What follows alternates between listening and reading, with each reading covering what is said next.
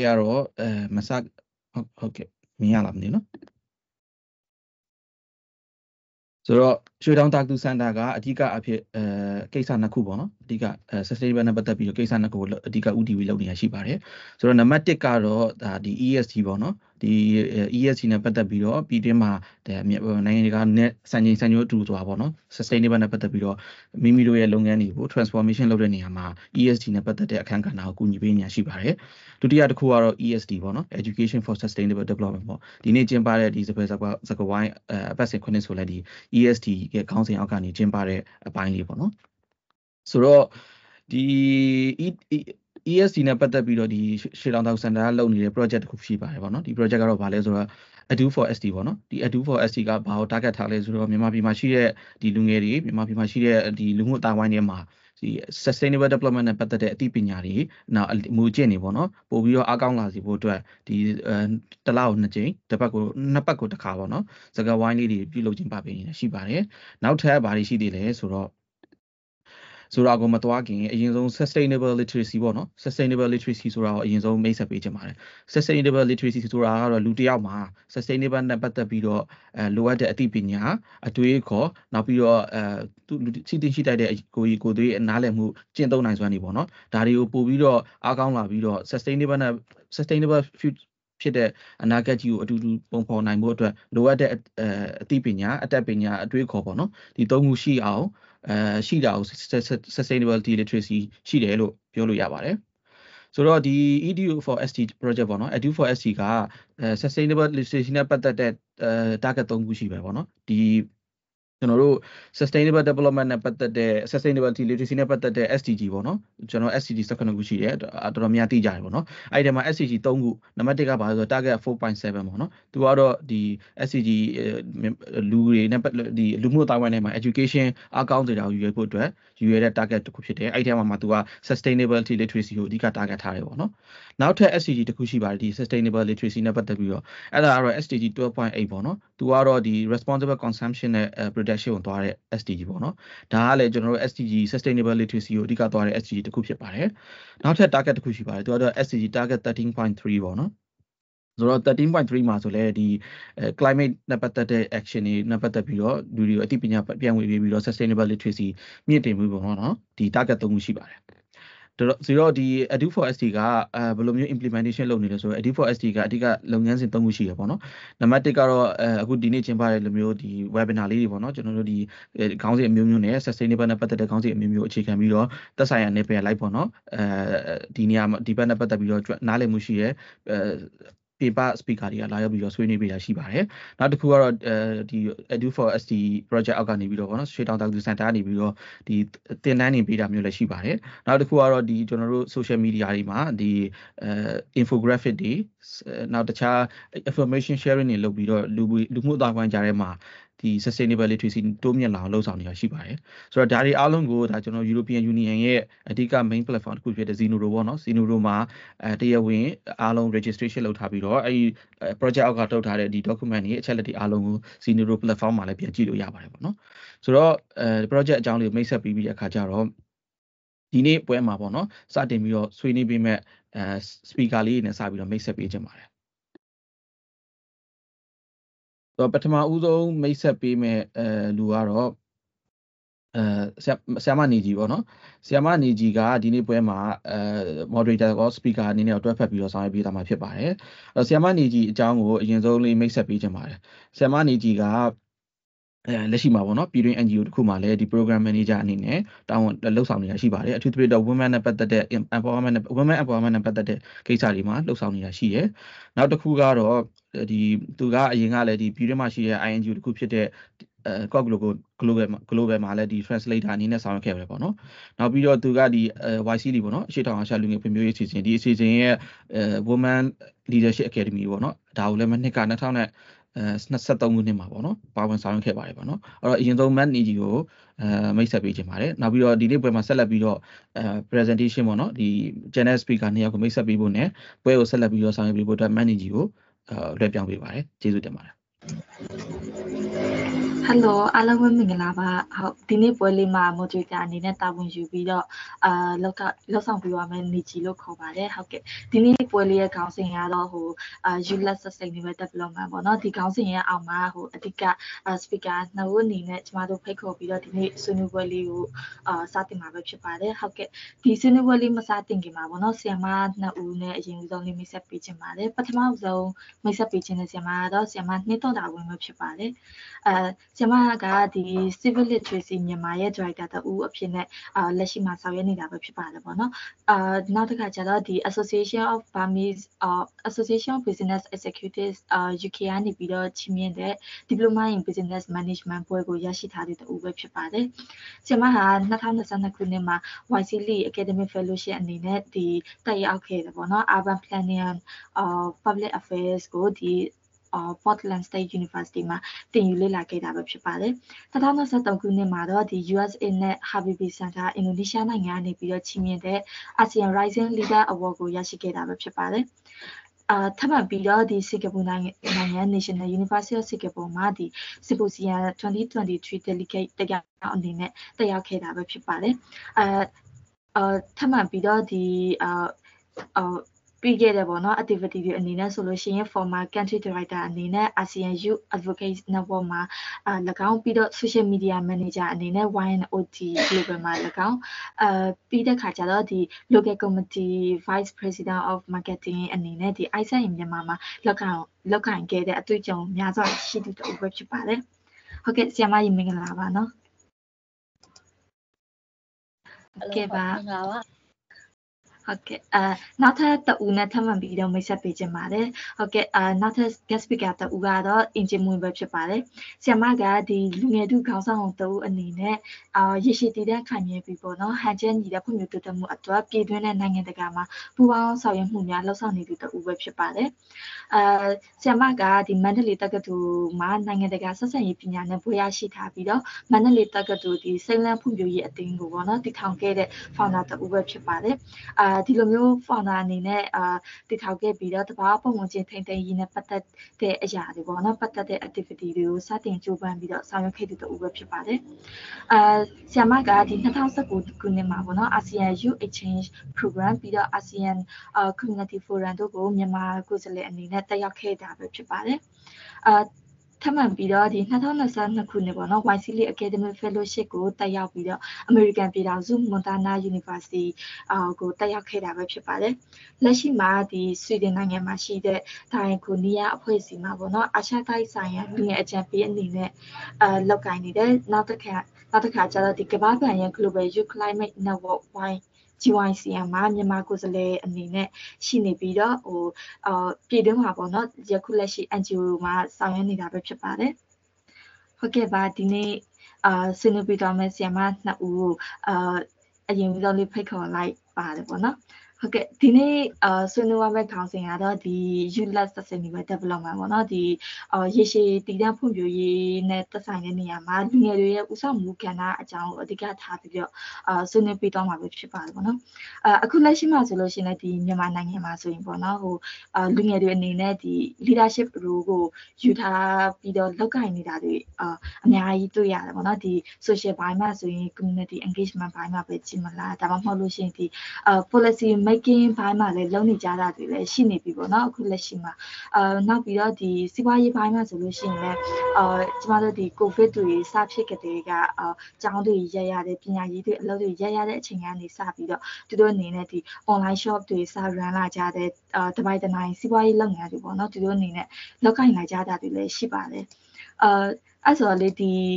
ဟိုဒီ SDG ဘိုင်းမှာကြည့်ရင်ပေါ့နော်ရေရှည်တည်တဲ့ဖွံ့ဖြိုးရေးဘိုင်းနဲ့ အာဆက်ဆက်ပြီးတော့ကြည့်မယ်ဆိုလို့ရှိရင်ဒီဖွံ့ဖြိုးပြီးသားနိုင်ငံတွေပေါ့နော်ဒီနိုင်ငံတွေမှာဆိုရင်လူငယ်တွေကဒီ SDG လို့ပြောလိုက်တာနဲ့ဟိုစတင်ပြီးတော့အစားချီလန်းတွေနဲ့သူတို့ကိုယ်တိုင်အာ leaders အနေနဲ့လုပ်နေကြပြီပေါ့နော်ဒါပေမဲ့မြန်မာနိုင်ငံမှာကျတော့ဒီဘက်ပိုင်းမှာဟိုတရှိမှုလည်းအားနေသေးတယ်ပြီးတော့ဟိုစတင်ဆောင်ရွက်မှုတွေပေါ့နော် movement တွေအရာလဲဟိုအားနေသေးတယ်လို့ဆိုရမှာပေါ့နော်ဒါပေမဲ့တစ်ဖက်မှာဆိုလို့ရှိရင်လည်းဒီအာ ဒီဘက်ပိုင်းမှာကျွမ်းကျင်ပြီးတော့ဟိုတကယ်တမ်းလေးလာတင်နေတဲ့လူငယ်တွေဥဆောင်ပြီးတော့ဟိုလောက်ကင်နေကြတယ်ပြီးတော့ funding တွေအာသူတို့ကိုယ်တိုင်ပေါ့နော်ရှာဖွေပြီးတော့ supporting တွေအာ supporting တွေကိုအခြေခံပြီးတော့သူတို့အနေနဲ့အာစတင်လှုပ်ရှားနေကြတာတွေရှိတယ်ပေါ့နော် ဟုတ်ကဲ့ဒီတော့ဟိုဆီယမနှင်းကိုပထမဦးဆုံးဟိုမေးချင်တာကပေါ့နော်ဒီအာ sustainable development အတွက်ကိုလူငယ်တွေအာဒီထက်ပိုမိုပြီးတော့ပေါ့နော်ဥဆောင်လာနိုင်ဖို့ဒီထက်ပိုမိုပြီးတော့ပါဝင်လာနိုင်ဖို့အတွက်ကိုဘယ်လိုမျိုးဟို empowerment လုပ်လို့ရတယ်လို့ထင်မြင်မိတယ်လဲဟုတ်ဟုတ်ဟုတ်အာကြားရနော် ညာအားလုံးမင်္ဂလာပါဆိုတော့ first of all like အာအခုလိုဖိတ်ကြားပေးရတဲ့အတွက်ကို live audience တွေအားလုံး um thank you ပါပေါ့နော်ဆိုတော့ညီမကတော့နှင်းတော်အောင်ပါဆိုတော့အာညီမလေးမေးသွားတဲ့ questions ကို um ပြောပြောပြမယ်နော်ဆိုတော့ um အဓိကတော့ညီမအာဒီအဓိကပေါ့နော်အမတို့က I'm not the teacher ကွာဆိုတော့ I'm like friendly ဖြစ်တဲ့ပုံစံမျိုးနဲ့ပဲ conversation လုပ်တဲ့ပုံစံမျိုးနဲ့ပဲဆွေးနွေးပါမယ်ပေါ့နော် အဓိကအမတို့က first of all ပေါ့နော်လူငယ်လို့ပြောလိုက်လို့ရှိရင်ဘာတွေကိုမြင်ကြတယ်ပေါ့နော်ဆိုတော့ဒီမှာလည်းလူငယ်တွေလည်းပါမယ်ဒူလက်ပိုင်းတွေလည်းပါမယ်ပေါ့နော်ဆိုတော့အဓိကလူငယ်လို့ပြောလိုက်ပြီးဆိုတော့ねအမတို့က like အရင်ဆုံးမြင်တာ the one who is passionate ဖြစ်တယ် unique ဖြစ်တယ်ပေါ့နော်ပြီးတော့ innovative ideas တွေရှိတယ်ပြီးလို့ရှိရင်တခြားကိုမမြင်နိုင်တဲ့ perception တွေတခြားဒီအများကြီးမြင်တယ်ပေါ့နော်ပြီးတော့ the one who is like so much energy ပေါ့လူငယ်တွေကအမြင် like energetic ဖြစ်တယ်ပေါ့နော်ပြီးလို့ရှိရင် modern technology modern technique တွေနဲ့လည်းရင်းနှီးရပေါ့နော်ဒါကြီးကသူတို့အတွက်အားတာချက်တွေပဲပေါ့နော်ဆိုတော့အဲ့ဒီဟာကြီးကပဲဒီဒီ SGG မှာပို့ပို့ပြီးတော့အများကြီး impact လုပ်နိုင်တယ်လို့အမှမြင်တယ်ပေါ့နော်ဆိုတော့အဓိကတော့ဒီ kid စကားရပြောမယ်ဆိုတော့ generation C ပေါ့နော်ဆိုတော့ generation C တွေကအာဒီ generation X တွေ Y တွေထက်ဘယ်နေရာမှာအားတာလဲအဲ့ဟာကြီးရောသူတို့အတွက်ဘယ်လိုမျိုး advantage တွေရှိလဲပေါ့နော်အဲ့ဟာကြီးရောဒီ SDG initiative တွေတခြားဒီ impact လုပ်ဖို့အတွက်ဘာတွေကိုအားတာစီလဲပေါ့နော်ဆိုတော့အဓိကတော့အမှဒီနေ့မှာအဲသုံးခုပြောချင်တယ်ပေါ့နော်ဆိုတော့ the first one ကကြတော့ entrepreneurial spirit ပေါ့နော်အဓိကဒီ generation စီကသူတို့ဒီကြီးပြင်းလာတဲ့အတိုင်းဝိုင်းအားကြတော့ကွာအရန်ဟို rapidly change ဖြစ်နေရကွာဒီဥမာဖုန်းတွေပါရဆိုရင်တော့မှ like အာဒီနေ့တစ်မျိုးပေါ့နောက်နေ့ version နောက်တစ်ခုဖြစ်သွားပြီကွာ so it's kind of like um rapidly changes ဖြစ်နေတဲ့ environment မှာကြီးပြင်းလာတဲ့အတွက်ကြောင့်မို့သူတို့တွေကပို့ပြီးတော့ risk ကိုယူနိုင်လာတယ်ပေါ့နော်ဆိုတော့လူငယ်တွေကဒီ generation X တွေ Y နေမှာဆိုလို့ရှိရင်သူတို့အတွက်ကဒီ opportunity တစ်ခုရှိမယ်အရာတစ်ခုသွားမယ်ဆိုလို့ရှိရင်သူတို့က very limited ဖြစ်တယ်ပေါ့နော်ဆိုတော့ဒီခေတ်မှာအဲ့လို limited မဖြစ်တော့ပို့ပြီးတော့အာအမားတို့အတွက်ဒီခုနပြောတဲ့ risk ယူနိုင်တဲ့ဟိုအရာတွေရှိတယ်ပြီးတော့ပို့ပြီးတော့ resourceful ဖြစ်လာတယ်လို့ခံစားရတယ်ပေါ့နော်ဟိုဒီအရာတစ်ခုအလုံးဟို is uh, if it is not working กว่าတခြားအမားတို့မှာ backup plan တွေဆိုတာရှိတယ်ဆိုတော့အဓိကအဲ့အကြောင်းမို့လူငယ်ရပို့ပြီးတော့ risk ယူလာနိုင်တယ်လို့ထင်တယ်ကွာအဲ့အတွက်ကြောင့်မို့လို့လူငယ်တွေနဲ့ပို့ပြီးတော့ဒီအာဘယ်ရာပဲဖြစ်ဖြစ် like uh, risk ယူပြီးတော့စလုပ်တင်တယ်လို့ထင်တယ်ပေါ့နော်ဆိုတော့ SDG initiative ဆိုအခုဆိုလဲ post pandemic period မှာအများကြီးပဲပေါ်လာတာကြီး so like uh, education နဲ့ပတ်သက်တာလားဒီ business နဲ့ပတ်သက်တာလား peace နဲ့ပတ်သက်တာလားဆိုတော့အများကြီးပဲပေါ့နော်ဆိုတော့ဒါတွေကလည်းကောင်းတဲ့အချက်တွေလို့ပြောလို့ရတယ်ပေါ့နော်ပြီးတော့နောက် second one ကကျတော့ adaptability ပေါ့အာဒီအမားတို့ဒီ 21st century မှာဆိုလို့ရှိရင်အားလုံးက fast pace changing ပေါ့အများပြောင်း လဲနေတယ်ပြောင်းလဲနေတဲ့အတွက်ကြောင့်မို့လားပြောလို့ digital landscape တွေကလည်းအများ changes ဖြစ်နေတယ်အဲ့အတွက်ကြောင့်မို့လူငယ်တွေ generation စီအနေနဲ့ကသူတို့အနေနဲ့ adaptability ပိုပြီးအားကောင်းလာတယ်လို့ထင်တယ်ပေါ့နော်ဆိုတော့အဲ့ဟာကြီးကြောင့်မို့လို့ပိုပြီးတော့ဒီဒီ sustainable development မှာပို့ပြီးတော့ထဲဝင်လောက်ကင်လို့ရှိရင်သူတို့အတွက်ဒီ future နဲ့အများကြီးအမတို့က impact လုပ်နိုင်တယ်လို့မြင်နေပေါ့နော်ဆိုတော့နောက်တစ်ခုကကျတော့ global awareness ပေါ့နော် global awareness ဆိုတာအမတို့ဒီခေတ်မှာနည်းနည်း အာအရန်သုံးတဲ့အာစကားလုံးတစ်ခုရှိတယ်ဟာ interconnected communities လို့ခေါ်ရပေါ့နော်အရာအားလုံးက interconnected ဖြစ်နေရကွာဆိုတော့ SDG ရဲ့သဘောတရားလည်းအဲ့လိုပဲအားလုံးက interconnection ဖြစ်နေရကွာဒီ areas တစ်ခုရဲ့ပဲမတော့ focus လုပ်လို့မရအောင်အဲ့ဟာတွေအားလုံးကတခြားအာ ecosystem ပဲဖြစ်ဖြစ်တခြားအရာတွေနဲ့တခြား areas တွေနဲ့အားလုံးက relatable ဖြစ်နေရပေါ့နော်ဆိုတော့အဲ့ဒီ interconnected community ဆိုတာအရန်အရေးကြီးလာတယ်ကွာဆိုတော့လူငယ်တွေရဲ့အားသာချက်ကသူတို့ကတေးချာတဲ့ interconnected community ရဲ့မှာရှိနေရသူတို့အနေနဲ့ဒီဟာကို easily accessible လုပ်လို့ရတယ်ပေါ့နော်ဆိုတော့ social media တွေပေါ်လာတယ်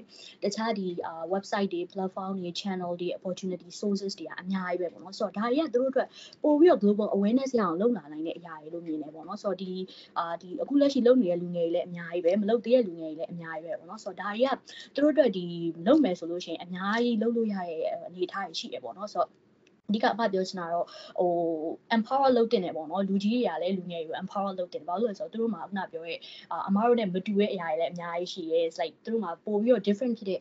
mindset တွေ technique တွေအများကြီးရှိရဲခုနပြော interconnected ဖြစ်တဲ့ community နဲ့လည်းသူတို့တို့ကအချိတ်ဆက်ရှိရဲဆိုတော့ဒါကြီးကအမားတို့အတွက်ဒီ share resource and responsibilities ပေါ့အမားတို့အနေနဲ့ဒီတယောက်နဲ့တယောက်မှာဒီလူငယ်တွေပဲဖြစ်ဖြစ်လူကြီးတွေပဲဖြစ်ဖြစ်တခြား nations တစ်ခုနဲ့တစ်ခုပဲဖြစ် different community နဲ့ဒီဟာနဲ့ပေါင်းပြီးလို့ရှိရင်ဒီလို share resource and responsibility ကိုလူငယ်တွေအနေနဲ့နဲ့ပို့ပြီးတော့လှုပ်လာနိုင်တယ်လို့ထင်တယ်ပေါ့နော် so for example like အခုဆိုရင် youth lead startup တွေပေါ်လာတယ် youth lead organization တွေရှိတယ်ပြီးလို့ရှိရင် campaigns တွေလှုပ်လာကြတယ်ဒါတွေအားလုံးက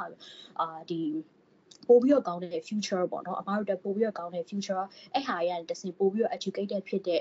active citizen တွေပေါ့နော်ပို့ပြီးတော့ပေါ်လာမယ်လို့ထင်တယ်ပေါ့နော်ဆိုတော့လူငယ်တွေလည်းအာဒီရရှိတဲ့လူငယ်တွေရောတခြားလူငယ်တွေရောပြောချင်တာတော့အာပို့ပြီးတော့လုံးလုံးကြတာပို့ပြီးတော့ကောင်းမယ်ပေါ့နော်ဆိုတော့ဒါမှပဲအမားတို့ကပို့ပြီးတော့ဒီ society တစ်ခုကိုဖန်တီးနိုင်မယ် environment တစ်ခုကိုဖန်တီးနိုင်မယ်ဆိုလို့ရှိရင်ဒါကလည်း future အတွက်အများကြီးအာခုနပြောရအမားတို့အတွက်ဒီဒီ society တစ်ခုတစ်ခုကိုဖန်တီးနိုင်တာတော့အကောင်းဆုံးပဲပေါ့နော်ဟုတ်ကဲ့ thank you ပါ အာဟုတ်ကဲ့မပြည့်ပြည့်စုံစုံလေးဖြေချပေးတဲ့အတွက်ကျေးဇူးတင်ပါတယ်ဟာအခုအမပြောတဲ့ဟိုအခြေခံပြီးတော့ဗောနော်ဒီလူငယ်တွေကဒီဘက်ခေတ်မှာဆိုလို့ရှိရင်သူတို့ရဲ့ဒီ learning လောက်နိုင်မှုကပို့ပြီးတော့အားကောင်းလာအားကောင်းလာကြတယ်ပြီးတော့ဒီအာ intersectionality ပေါ့နော်သူတို့အနေနဲ့အာဆက်သွယ်မှုတွေကိုအခြေခံပြီးတော့ဒီအာသူတို့အတွက်ပို့မှုပြီးတော့တိုးတက်ကောင်းမွန်တဲ့အာ environment တစ်ခုအာဖန်တီးနိုင်မှုအတွက်လောက်ကင်ကြတယ်ပေါ့နော်အဲ့မှာပြောတဲ့အခါမှာဆိုလို့ရှိရင်လည်းဒီဟို ဒီလိုမျိုးလေးလာရတဲ့နေရာမှာကျောင်းပညာရေးနဲ့ကျောင်းပြင်ပပညာရေးဆိုပြီးတော့လည်းထပ်ရှိအောင်ပေါ့နော်သူတို့အနေနဲ့ကျောင်းမှာလေးလာမှာလားဒါမှမဟုတ်ရှိကျောင်းပြင်ပပညာရေးအနေနဲ့လေးလာကြမှာလားဆိုတာမျိုးပေါ်အခြေခံပြီးတော့လည်းဒီအာအပညာရေးကအဓိက target ဖြစ်သွားမယ်လို့အာထင်မြင်ယူဆမိတယ်ပေါ့နော်ဒါမှပဲဒီပညာရေးလမ်းကြောင်းပေါ်ကနေသူတို့အနေနဲ့အာ sustainable ဖြစ်ပြီးတော့ပို့ပြီးတော့ဒီအာ equitable ဖြစ်တဲ့အနာဂတ်ကိုပုံဖော်လာမှာပေါ့နော်အာ ဥပမာဒီမြန်မာနိုင်ငံအနေနဲ့ကြည့်မယ်ဆိုလို့ရှိရင်ကဟိုလူငယ်တွေအနေနဲ့ကကြတော့ဟိုအကြီးပြင်းတဲ့အတိုင်းဝိုင်းပေါ့နော်အဲ့ဒီပုံမှာအခြေခံပြီးတော့ကျောင်းပညာရေးမှာပဲဖြစ်ဖြစ်ကျောင်းပြပါပညာရေးမှာပဲဖြစ်အဆုံးထိတိုင်သူတို့အာလေ့လာနိုင်ကြတယ်တစ်ဖက်မှာလည်းဒီသူတို့အနေနဲ့တချို့ barriers တွေရှိတယ်ပေါ့နော်သူတို့အနေနဲ့ဟိုအဆုံးထိအာ တင်ကြားခွင့်မရတာတွေသူတို့ဘာသူ self learning အနေနဲ့လေ့လာရတာတွေဒီလိုမျိုးတွေရှိတယ်အထူးသဖြင့်ဒီအမျိုးသမီးတွေအနေနဲ့ကြည့်မယ်ဆိုလို့ရှိရင်လည်းဒီအမျိုးသမီးတွေကဟိုသူတို့အနေနဲ့ကအာပညာရေးကိုစောင်းကန်းတိုင်အောင်တွားနိုင်တဲ့သူတွေရှိတယ်လို့မတွားနိုင်ဘဲနဲ့အာခဏပြောတဲ့ဒီ barriers တွေပေါ့နော်ဟိုမိသားစုစာဝန်နေရေးအတွက်ကြည့်မှာလားဒါမှမဟုတ်လို့ရှိရင်ဒီအမ် marriage life ကြောင့်ပဲကြည့်မှာလားပေါ့နော်သူတို့အနေနဲ့ဒီဒီလိုမျိုးဟို အဆုံးထိလုံနိုင်ခွင့်တွေမရှိကြဘူးဒီအမျိုးသမီးတွေအနေနဲ့ဒီ SDG မှာပါဝင်မှုနှုန်းကလည်းဟိုအများကြီးဟိုအများကြီးမများသေးတာကိုတွေ့ရတယ်ပေါ့နော်ဒီတော့ဟိုဆီမအင်ဂျင်အနေနဲ့ရောဒီအာ sustainable development ဖြစ်တယ်ပေါ့နော်ဒီအာရဝန်တစ်ခုတိဆောက်တဲ့အခါမှာဆိုလို့ရှိရင်ဒီ education အပညာရေး အော်ပညာရေးထဲမှာရောပညာရေးဝန်ကျင်အထဲမှာရောဒီ SDG ကိုဘယ်လိုမျိုးဟိုပေါင်းဆက်ပြီးတော့အာလုပ်ဖို့လုပ်လို့ရနိုင်တယ်ပေါ့နော်အဲ့လိုမျိုးလုပ်ဖို့အတွက်ရောဖြစ်နိုင်လားဆိုတာလေးကိုလည်းဆရာမဆွေးနွေးပေးပါအောင်အဲခွဲတာအားလုံးပဲမင်္ဂလာပါအမကတော့အင်ဂျင်မွေးပါပေါ့နော်အမကတော့ဒီနေ့တုန်းကဒီနေ့ကကြတော့ဆရာမပြောသွားတဲ့ဟာတွေကိုဆွေးနွေးသွားမှာဖြစ်တယ်ပေါ့နော်ကျမတို့ဆက်စချင်းဒီအဲ sustainable development အတွက်ဒီပညာရေးကအရန်အရေးပါတယ်လို့ပြောတဲ့ဒီ အဆိုပြုချက်ကိုပေါ့နော်အရင်ဆုံးပြန်ကောက်မယ်ဆိုရင်ကျမတို့ sustainable development ဆိုတာဘာလဲဆိုတာသိဖို့အရင်လိုအပ်တယ်ပေါ့နော် sustainable development ဆိုတာကကျမတို့ကဒီရှိနေတဲ့ဒီကိုယ့်ရဲ့ရှိနေတဲ့ဒီ present မှာရှိနေတဲ့ရဲ့အရာတွေပေါ့နော် resource တွေကိုကျမတို့ကဘယ်လိုမျိုးရရှိတည်တတ်အောင်ခံမြင်အောင်သုံးမလဲပြီးတော့ next generation တွေဘယ်လိုလက်ဆင့်ကမ်းပြီးတည်ဆောင်ခဲ့မလဲဆိုတော့ဒီ concept တွေတစ်ခုဖြစ်တယ်ပေါ့နော်အဲ့ဒီမှာဆိုရင်ကျမတို့ကဒီအခုကျမပြောမယ့်ဟာကကျတော့ဒီ education for sustainability ပေါ့နော်ကျမတို့ကဒီရရှိတည်တတ်ခံမြင်ဖို့အတွက်ဒီပညာရေးလို့ပြောတဲ့အခါမှာဆိုရင် ခုနပြောသလိုပဲ sustainable development ဆိုတာဘာလဲဆိုတာသိရမယ်ပြီးတော့ရင်ကိုကိုခုနခံယူထားတဲ့ပညာရေးဆိုတာဘာလဲဆိုတာလည်းသိရမယ်ပေါ့နော်ခုန SAS ကပြောသွားသလိုပဲကျွန်တော်မြန်မာနိုင်ငံမှာဆိုခုလောလောဆယ်ဖြစ်နေတဲ့ crisis တွေအမ်အဲ့လိုမျိုးပေါ့နော်ကိစ္စတွေကြောင့်မလို့ပညာရေးကိုရပ်တန့်ထားတဲ့အခိုက်အတန့်တွေလည်းရှိရဲအဲ့လိုခါမှာဆိုရင်ကျွန်တော်တို့ကဒီ အရင်ခေတ်တွေမှာဆိုရင်ကျမတို့ပညာရေးကိုမြင်တဲ့အမြင်ကအခုခေတ်မှာမြင်တဲ့ပညာရေးကိုမြင်တဲ့အမြင်နဲ့အများကြီးကွာသွားပြီပေါ့နော်အရင်တော့ကျမတို့ကပညာရေးလို့ပြောရဲဆိုရင်ဒီစာသင်ခန်းထဲမှာထိုင်နေမယ်ထိုင်ပြီးတော့မူလာတန်းအလဲတန်းအထက်တန်းပြီးသွားရင်ဒီတက္ကသိုလ်ပညာရေးပေါ့နော်အဲ့ဒါပြီးသွားတော့ higher education တွေဖြစ်တဲ့ဒီအဲအဲ master degree ပြီးသွား PhD ပေါ့နော်အဲ့ဒီဟာတွေအဆင့်ဆင့်ကိုတို့ကပညာရေးလို့သတ်မှတ်တဲ့ဟာမျိုးဖြစ်တယ်ပေါ့နော်ဟုတ်ခဏလေးပါနော်ဟုတ်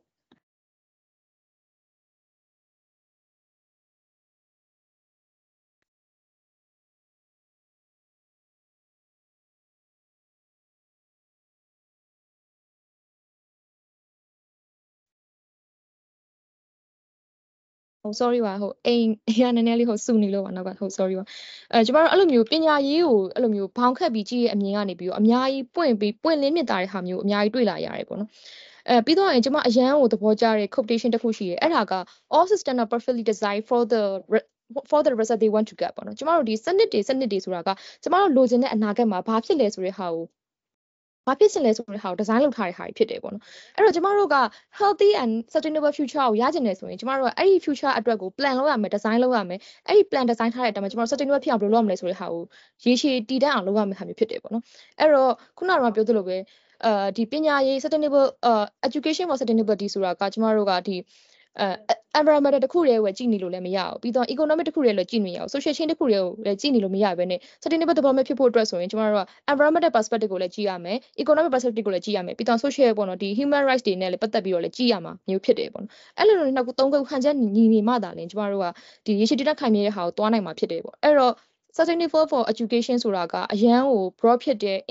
interdisciplinary course တစ်ခုရှိရဖြစ်တယ်နောက်တစ်ခုကကျတော့ကျမတို့က အဲဒီဟာကိုတွေးရနေရမှာဆိုရင် system အရတွေးခေါ်တဲ့ဟာတွေရှိတယ်တွေးခေါ်မှာဟာမျိုးဖြစ်တယ်ပေါ့နော်ပြီးတော့ရင်ကျမတို့ဒီတခြားနိုင်ငံမှာအာဒီ education အရာဒီ sustainability education ကဒါကတော့အလုပ်ဖြစ်တယ်ဆိုပြီးကိုယ်နိုင်ငံမှာအလုပ်ဖြစ်ချင်မှာဖြစ်မှာဘာလို့လဲဆိုတော့ကျမတို့ local resource local relevant ပေါ့နော်ကျမတို့ data နဲ့ကိုက်ညီတဲ့လျော်ညီတဲ့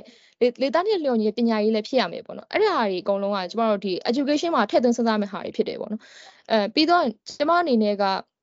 ဒီ education ကပေါ့နော် learning to learn ပေါ့ကျမတို့ဒီ sustainability ကိုတွားလာပဲဖြစ်စေပြီးတော့ကျမတို့ဘယ်လိုမျိုးဖြစ်ဖြစ်ဖြစ်ပေါ့နော်ကျမတို့ဒီ education ပညာရေးဆိုတာကသင်ယူရင်းနဲ့ပဲကျမတို့လေ့လာနေရမှာမျိုးဖြစ်တယ်ပေါ့နော်အဲကျမကဒီ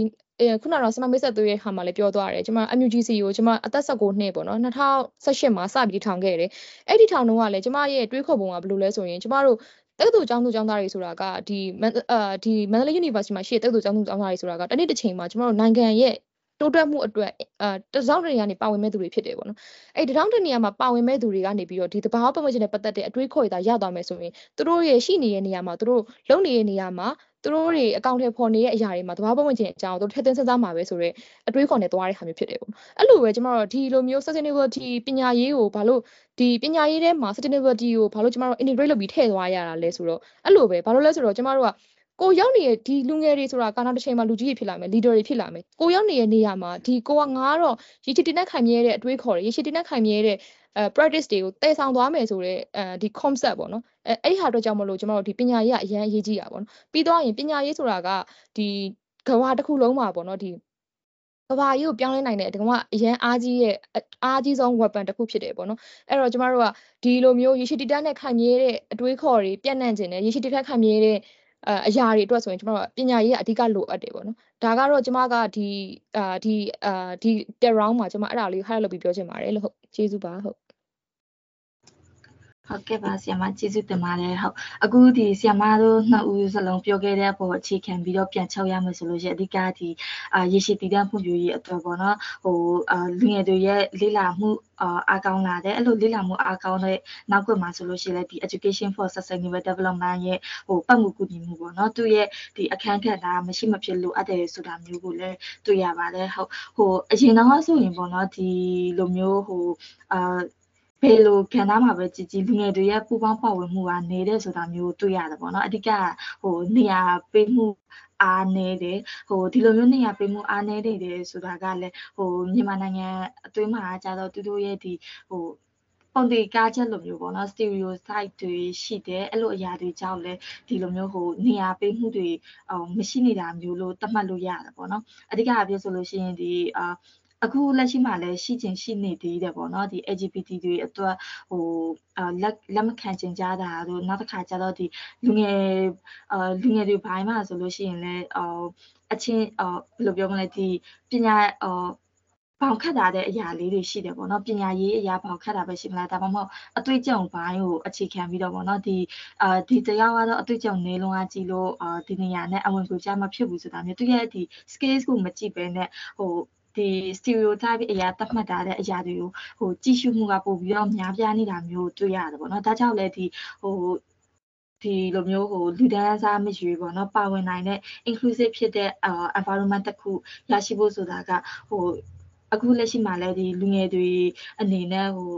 အော်သူတို့အနေနဲ့ရဲရဲဝံ့ဝံ့ပေါ့နော်အတန်တွေထွက်ပေးကြတယ်သူတို့အနေနဲ့အာထောက်ဖို့ပြောဆိုကြတာလေပေါ့နော်ဒီဒီလိုမျိုးဟို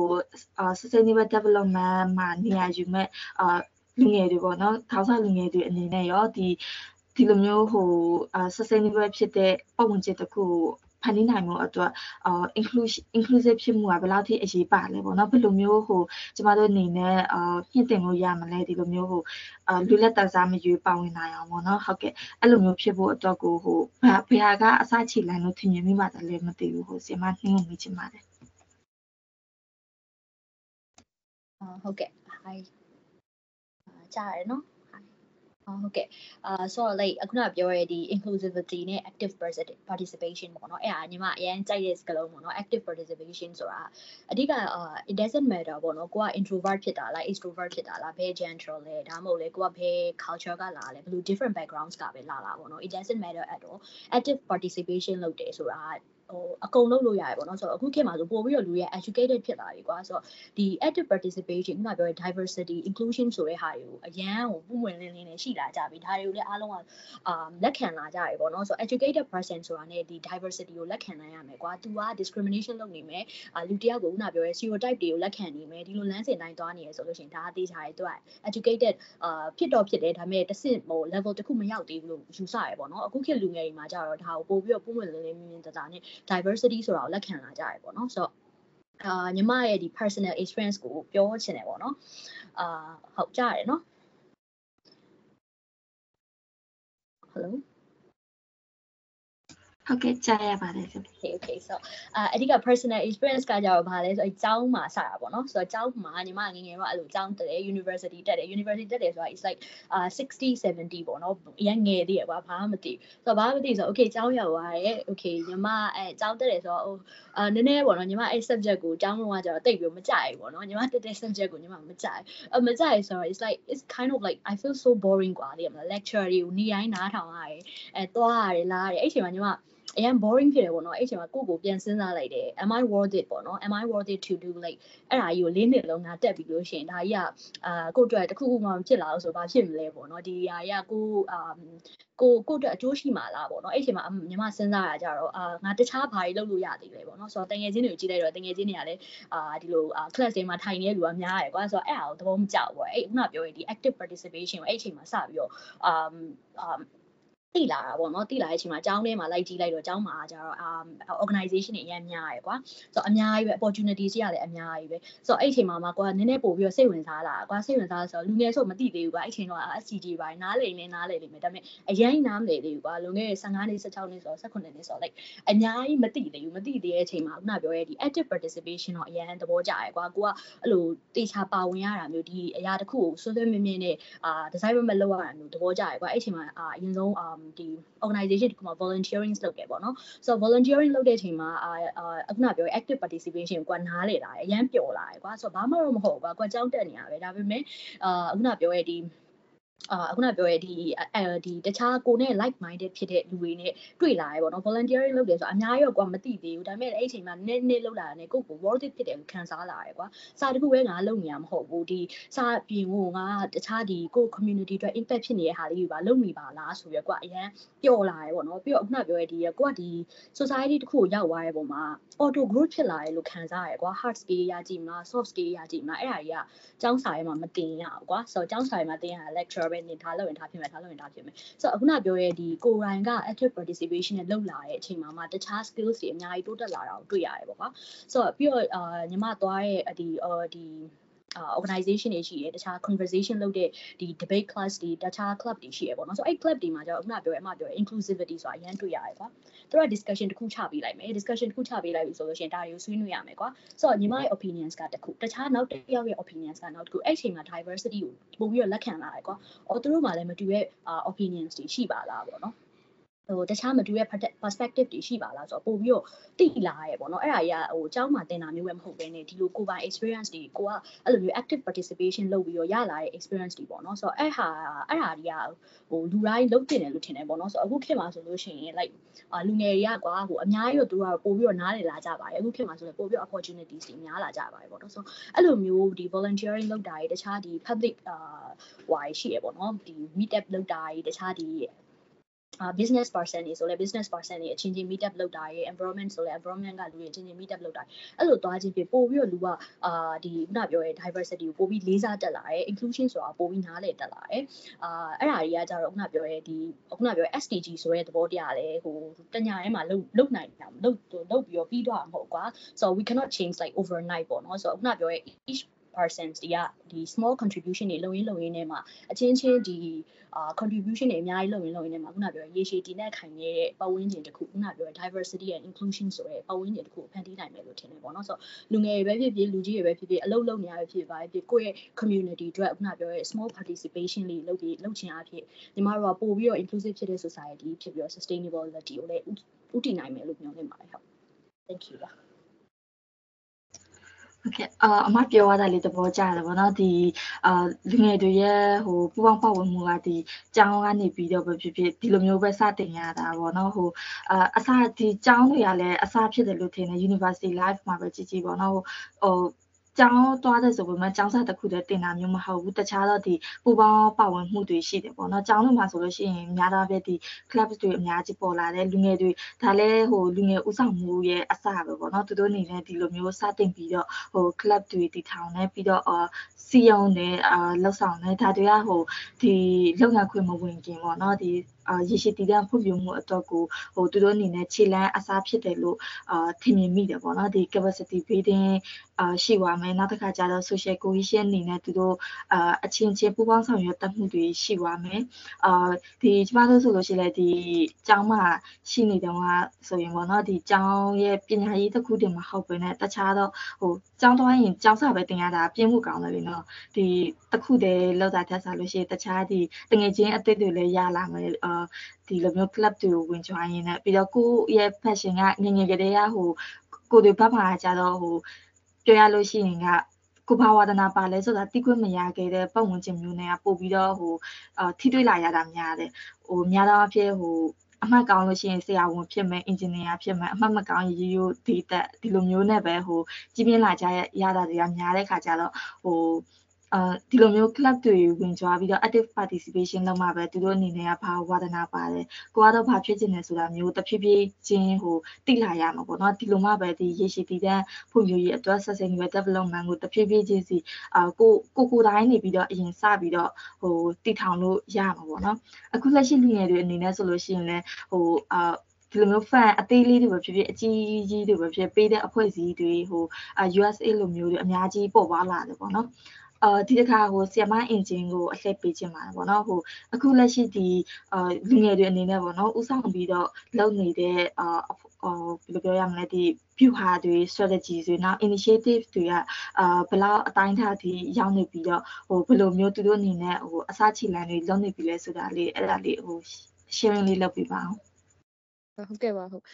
အဲညီမတို့ကပေါ့နော်လူငယ်လို့ပြောတဲ့ခါမှာဆိုရင်လူငယ်တွေကို chain agent လို့ခေါ်ကြတယ် chain agent ဆိုတာကအပြောင်းလဲကိုဖော်ဆောင်နေတဲ့သူတွေအပြောင်းလဲတစ်ခုကိုလုပ်နေတဲ့သူတွေလို့ခေါ်ကြတာပေါ့နော်အဲ့တော့ဆမပြောသလိုပဲကျမတို့ဒီ community တစ်ခုအဲ society တစ်ခုမှာဆိုရင်လူငယ်တွေကနေပြီးတော့ဥဆောင်တဲ့ဟာတွေကအအများကြီးရှိတယ်နောက်တစ်ခုကကျတော့ဒီလူငယ်တွေကသာလင်ကျမတို့ဒီ အဲကျမတို့လိုချင်တဲ့ပန်းတိုင်ကိုသူတို့ကနေအစချီပြီးဥဆောင်သွားတာဖြစ်တယ်ပေါ့နော်ကျမတို့အကြီးမားတဲ့အပြောင်းလဲကြီးတစ်ခုချင်းစီကအကုန်လုံးအကြီးမားတဲ့အပြောင်းလဲကြီးတစ်ခုချင်းစီကလူငယ်ကစရတယ်ပေါ့နော်အဲ့လိုမျိုးဆိုရည်တွေရှိရပေါ့နော်အဲ့တော့ကျမက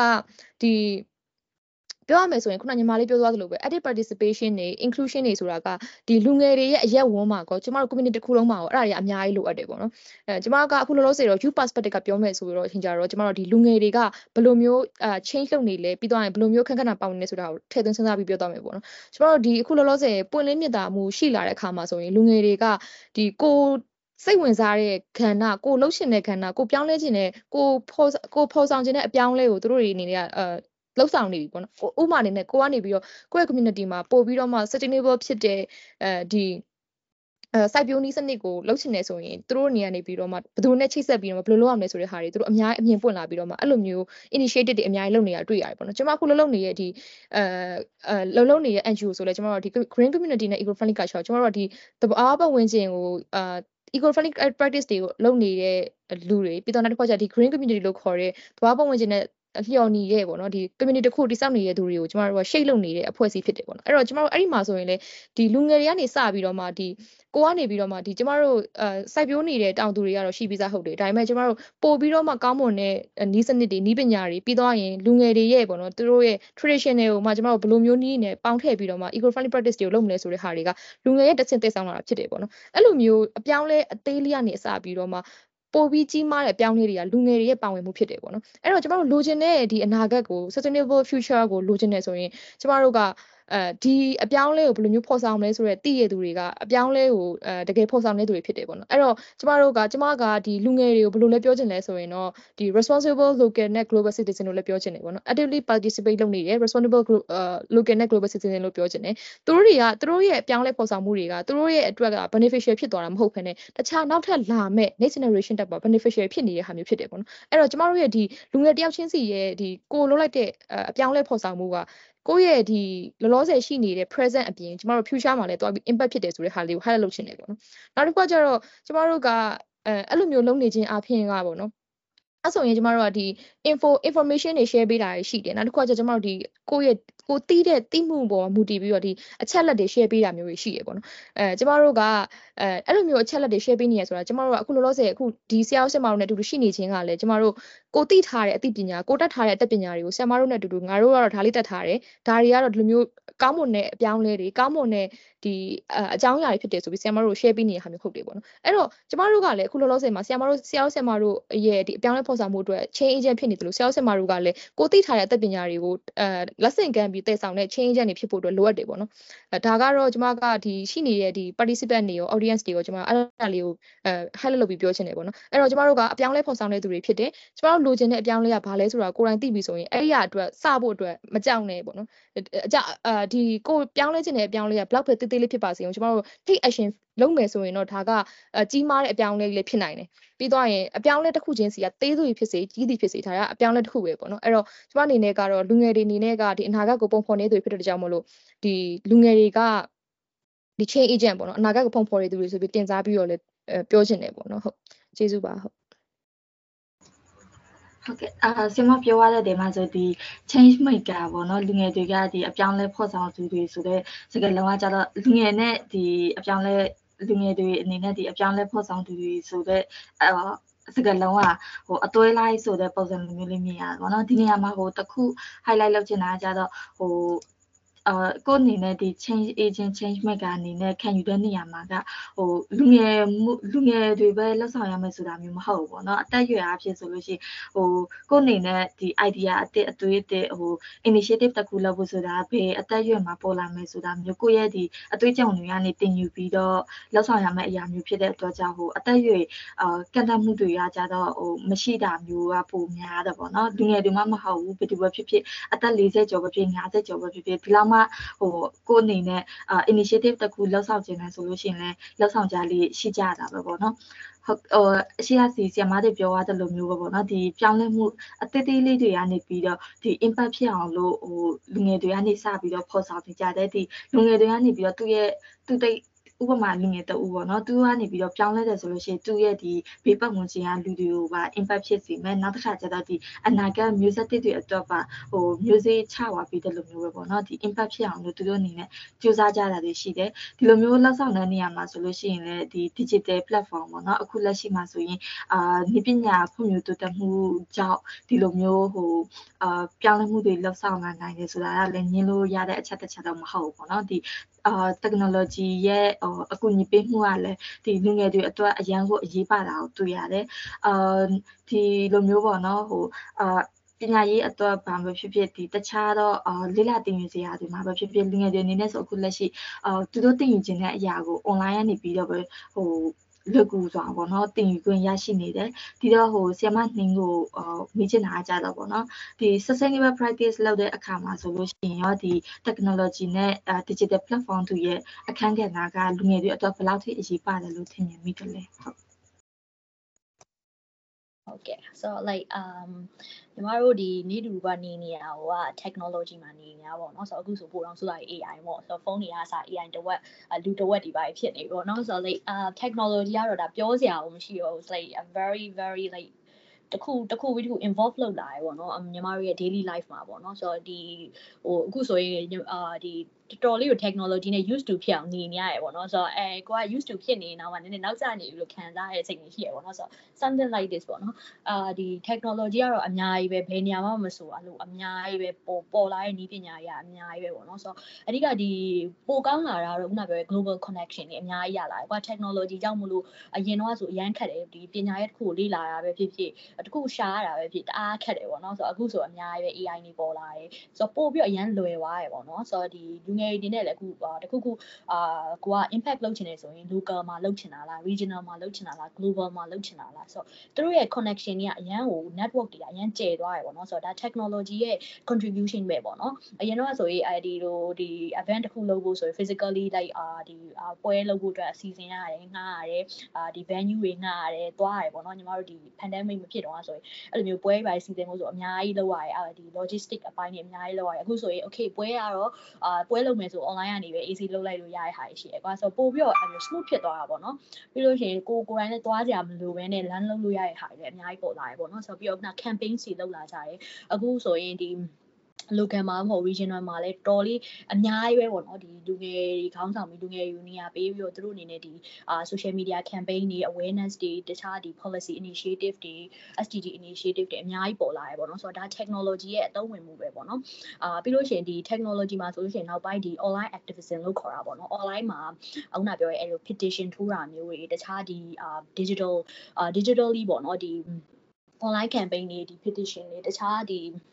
ဥမာ for example ပေါ့နော်အရန်ဟိုခေတ်စားဆို boycott ပေါ့ဆိုတော့ boycott ဆိုလို့ရှိရင် something ပေါ့ဒါဆိုရင်ဒီ company အကြီးတွေပဲဖြစ်ဖြစ်ဒီ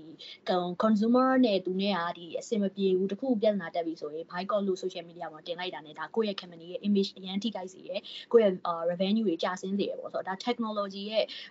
အရေးပါတဲ့အခန်းကဏ္ဍတွေပေါ့နော်ဆိုတော့အဲ့တော့ဟိုအခုနောက်ပိုင်းဆိုလို့ရှိရင် company တွေပဲဖြစ်ဖြစ်ပဲ initiative ပဲဖြစ်ဖြစ်ပေါ့နော်သူတို့ကဒီ SDG နဲ့ align လုပ်ပြီးတော့လုပ်လာကြပြီကွာမလုပ်လာလို့ရှိရင်ဘာလို့လဲဆိုတော့ audience တွေကအရင် educated ဖြစ်သွားပြီသူက environmentally လည်း conscious ဖြစ်တယ်တခြားအရာတွေအားလုံးလည်းသူက conscious ဖြစ်လာပြီကွာဆိုတော့ကိုရီးယားဒီ organization ပဲဖြစ်ကိုရီးယား initiative ပဲဖြစ်ဘာပဲလုပ်လို့သူကအဲအဲ standard တွေနဲ့ကြိုက်တော့မှာကွာမကြိုက်ဘူးဆိုလို့ရှိရင်အဆင်မပြေဘူးဆိုတေးကြရ bike ကောပဲဘဘပဲဆိုတော့ something like this ပေါ့နော်ဆိုတော့ technology ရဲ့ contribution ကအဲ့လောက်ထိအရေးပါလာတယ်ပေါ့နော်ပြီးတော့ညီမသဘောကျတဲ့ဟာတစ်ခုကကြတော့အခု app လေးထွက်လာတယ်ပေါ့နော်ဒီ sustainability ကို practice လုပ်တဲ့ application လေးတွေပါအခုနောက်ပိုင်းတီထွင်လာကြရပေါ့နော်ဆိုတော့ဒီ um အာဒီ mobile phone တွေရောတခြား mobile application တွေမှာဥမာဆိုရင်ဒီကလူတွေလည်းတော်များသုံးဘူးကြလိမ့်မယ်လို့ထင်တယ်ဒီ forest ဆိုတဲ့ app လေးကွာသူက stay focus ပေါ့သူအပင်ဆိုင်ရတာ virtual tree ပေါ့အဲဒါဆိုဒါ sustainability ကိုသုံးထားတဲ့ဟာမျိုးပေါ့နော်ဆိုတော့ကိုကဒီအာဒီစာလုပ်ချင်တာပဲဖြစ်ဖြစ် landing လုပ်ချင်တာပဲဖြစ်ဒီ virtual tree လေးစိုက်ထားလိုက်မယ်ကွာစိုက်ထားပြီးလို့ရှိရင်ကိုကကိုလုပ်ချင်တာလုပ်လို့ရတယ်ကွာဆိုတော့ကိုယ့်ရဲ့ productivity လည်းအကျိုးမဝင်နေပေါ့နော်ပြီးတော့ဒီ ဒီခုနပြောရဲသူတို့ရဲ့ mindset တွေမှာအာဒီလိုမျိုးတစ်ပင်ဆိုင်ရတယ်ဆိုရဲ mindset ကောပြီးလို့ရှိရင်ဒီ company ကနေပြီးတော့နောက်ပိုင်း तू ကတကယ်အာ real life မှာလည်းအပင်ဆိုင်တဲ့ဟာတွေကိုလည်းပို့ပြီးတော့အကျိုးပြုတယ်ဆိုပြီးတော့ညီမဖတ်ရတယ်ပေါ့နော်ဆိုတော့အဓိကအဲ့ဟာကတော့ဒီ mobile application တွေကအစ company အကြီးတွေကအစဒီ sustainability ကိုသူတို့တွေမှာအသုံးချလာတာမျိုးပေါ့နော်ဆိုတော့ဒါတွေကတော်တော်လေးကိုသုံးဝင်တယ်ပေါ့နော်အခုဆိုညီမတို့က cosmetic ပဲဝယ်ဝယ်ဘာပဲသုံးသုံး okay သူ environment ကိုဘယ်လောက်ထိ contribute လုပ်နေလဲ CSR တွေဘယ်လောက်လုပ်ထားလဲအဲဒီဒီ company ကဘယ်လောက်ထိအာဒီဥက္ကဋပြောရဲဒီ giving back to community ပေါ့နော်ဘယ်လောက်လုပ်ထားလဲပေါ့ဒါယူဒီ standard တွေနဲ့ညီမတို့ကကြည်လာကြပြီကွာဆိုတော့ technology မှာလည်းဒါက sustainability နဲ့ technology ရဲ့အာဘယ်လိုပြောမလဲ contribution တွေပေါ့ပူးပေါင်းမှုတွေပေါ့နော်ဆိုတော့အဲ့ဟာကိုတော့အာအဲ့ဟာကိုတော့ဟို highlight လုပ်ချင်တယ်ပေါ့နော်ဆိုတော့ကိုကဘာပဲလုပ်လို့ဘာပဲလုပ်လို့စီးပွားရေးလုပ်မှာလားဒါပေါ့ education လုပ်မှာလားဘာပဲဖြစ်ဖြစ်ဒီ sustainability ရဲ့အခန်းကဏ္ဍနဲ့ technology ရဲ့အခန်းကဏ္ဍကိုတော့မိထားလို့မရဘူးပေါ့နော်ဟုတ် thank you ပါ ဟုတ်ကဲ့ပါကျေးဇူးတင်ပါတယ်အခုလိုမျိုးအာရှင်းပြပေးတဲ့အတွက်ဟိုအာအခုလက်ရှိဒီမြန်မာနိုင်ငံမှာဆိုလို့ရှိရင်လည်းလူငယ်တွေဥဆောင်ပြီးတော့လုပ်နေတဲ့ campaign တွေအများကြီးပေါ်လာတယ်ပေါ့နော်ဟိုသူတို့အနေနဲ့အဖြစ်မှာ campaign လုပ်ချင်တယ်ဆိုဟုတ်ပြီဒီလိုမျိုး campaign တွေလုပ်မယ်ဒါဆိုလို့ရှိရင်သူတို့ digital platform ကိုအသုံးချပြီးတော့အာ ကျင်ညာတယ်သူတို့ဒီလိုဒီလိုမျိုးတွေလုပ်မယ်ဒီလိုဒီလိုမျိုးတွေလုပ်နေတယ်ဆိုတာမျိုး awareness ပေးတဲ့ပုံစံမျိုးနဲ့လည်းဒီအခုလက်ရှိမှာ run နေကြပြီပေါ့နော်ဟုတ်အဲ့တော့ဟိုဆီယမအင်ဂျင်အနေနဲ့ရောဟိုအခုလက်ရှိမှာပေါ့နော်ဒီလူငယ်တွေကအော်ဒီ environment တွေဘာမှဘာမှကြည့်မလား economic အရာဒီစိတ်ခေါ်မှုတွေလူမှုရေးအရာစိတ်ခေါ်မှုတွေအများကြီးဒီလက်ရှိမှာကြုံနေရတယ်ပေါ့နော်ခံနေခံစားနေကြရတယ်အဲ့တော့ဒီလိုမျိုးအခက်ခဲတွေကြားထဲကနေပြီးတော့ဟိုသူတို့ဒီလိုအခက်ခဲတွေကိုဖြေရှင်းမှုအတွက်ဆိုပြီးတော့ဟိုစမ်းတဲ့တယ်ပေါ့နော် innovative ဖြစ်တဲ့အာ solution တွေကိုရှာလာကြတယ်အာအခုလက်ရှိမှာသူတို့အနေနဲ့ဘယ်လိုမျိုးအာလောက်ဆောင်နေကြလဲပေါ့နော် အာဆရာမတို့အနေနဲ့ရောအခုလက်ရှိလောက်ဆောင်နေတာမျိုးရှိလားပေါ့နော်ဟုတ်အဲ့ဒါလေးလည်း sharing လုပ်ပြပါအောင်ကဲပါဟုတ်အဲကျမကခုနကတော့ကဟက်လက်လောက်သွားသလိုပဲကျမတို့လူငယ်တွေဆိုတာက change agent တွေဖြစ်တယ်အပြောင်းလဲကိုဖော်ဆောင်နေတဲ့သူတွေဖြစ်တယ်အပြောင်းလဲဖော်ဆောင်နေတဲ့သူတွေကကျမတို့ဒီလိုမျိုး info တွေ share နေရုံကျမတို့ဒီလိုမျိုးကိုယ့်ရဲ့ဒီသိထားတဲ့ဒီအသိပညာတွေ share ရုံနဲ့နေမပြီးသွားဘူးပေါ့နော်ကျမတို့သိထားတဲ့အသိပညာတွေကျမတို့အာ အာဒီ information တွေကျမတို့ဒီ facts တွေကိုပြန်ပြီးတော့မှအသုံးချရမယ်အဲအဲ့ဒီဟာကိုပြန်ပြီးတော့ကျွန်တော် practice လုပ်နေရမယ်ပေါ့နော်အဲ့ဒီ practice လုပ်တဲ့အခန်းကဏ္ဍနေပြီးတော့မှ innovative solution ဆိုတာဖြစ်လာတာပေါ့ကျွန်တော်တို့ဒီလူငယ်တွေကနေပြီးတော့ငါကတော့ဒါသိထားတယ်ဒါကိုပြန် share မယ်ဆိုတော့အဲဘောင်ကြော်ပြီးတော့မှဒီသိထားတဲ့အသိပညာကို lesson ကမ်းပြီးတော့ဘယ်လို practice လုပ်မလဲဆိုတဲ့ဟာမျိုးအထိကိုသွားရမယ်ဟာမျိုးဖြစ်တယ်ပေါ့နော်အဲကျွန်တော်တို့ကဒီကိုလောလောဆယ်မှာဆိုရင်ခုနကတော့ကျွန်မအဲပထမတစ်ချက်မှာပြောသွားလို့ပဲကျွန်တော်တို့ကဒီ ကိုကနေပြီးတော့ဖြစ်ရှင်တဲ့အနာဂတ်ကိုကိုကရှိတ်လို့ရမှာဖြစ်တယ်ပေါ့နော်အဲ့တော့ ကိုကဘယ်လိုပုံစံမျိုးဖြစ်ချင်လဲဆိုတဲ့ဟာကိုလမ်းလုပ်ရမယ်တင်ယူရမယ်ပြီးတော့ရင်အဲ့ဟာကိုအာအာလေ့လာမယ်ဟာမျိုးဖြစ်တယ်အခုလောလောဆယ်မှာဆိုရင်ကျမတို့လူငယ်တွေကအများကြီး innovative solution တွေအများကြီးအာလောက်လာတာမြင်တယ်ကျမတို့အဲစစဒီကျမတို့အခုလောလောဆယ်ပေါ့နော်ဒီ environmental perspective ကကြည့်မယ်ဆိုရင် environmental perspective ကလည်းပါတယ် economic perspective ကလည်းပါတယ်ဘယ်လိုလဲဆိုရင်သူကဒီ gardening ပေါ့နော်အဲဒီကျမတို့ဒီမြို့ပေါ်မှာဆိုလဲ gardening တွေလောက်လာတယ်အဲ့ဒါ home garden တစ်ဆင့်ကိုကနေပြီးတော့ဒီကနေတစ်ဆင့် home garden လို့ခေါ်တယ်ကျမတို့ တပိုင်းတနိုင်စိုက်ပျိုးတဲ့အစိုက်အဟာလေးတွေပေါ့နော်ဒီမျိုးပြိုင်မှာလုပ်လို့ဟာတွေလုပ်လုပ်တယ်လုပ်ပြီးတော့မှအဲ့ရတဆင်ကျမတို့ဝင်ငွေပြန်ရတဲ့ဟာပြီးတော့ innovative ဖြစ်တဲ့အဲ့ gardening design နေနေပေါ့နော်သူတို့ပြန်ပြီးတော့မှဒီအဲ solution တွေပေါ့နော်ဒီ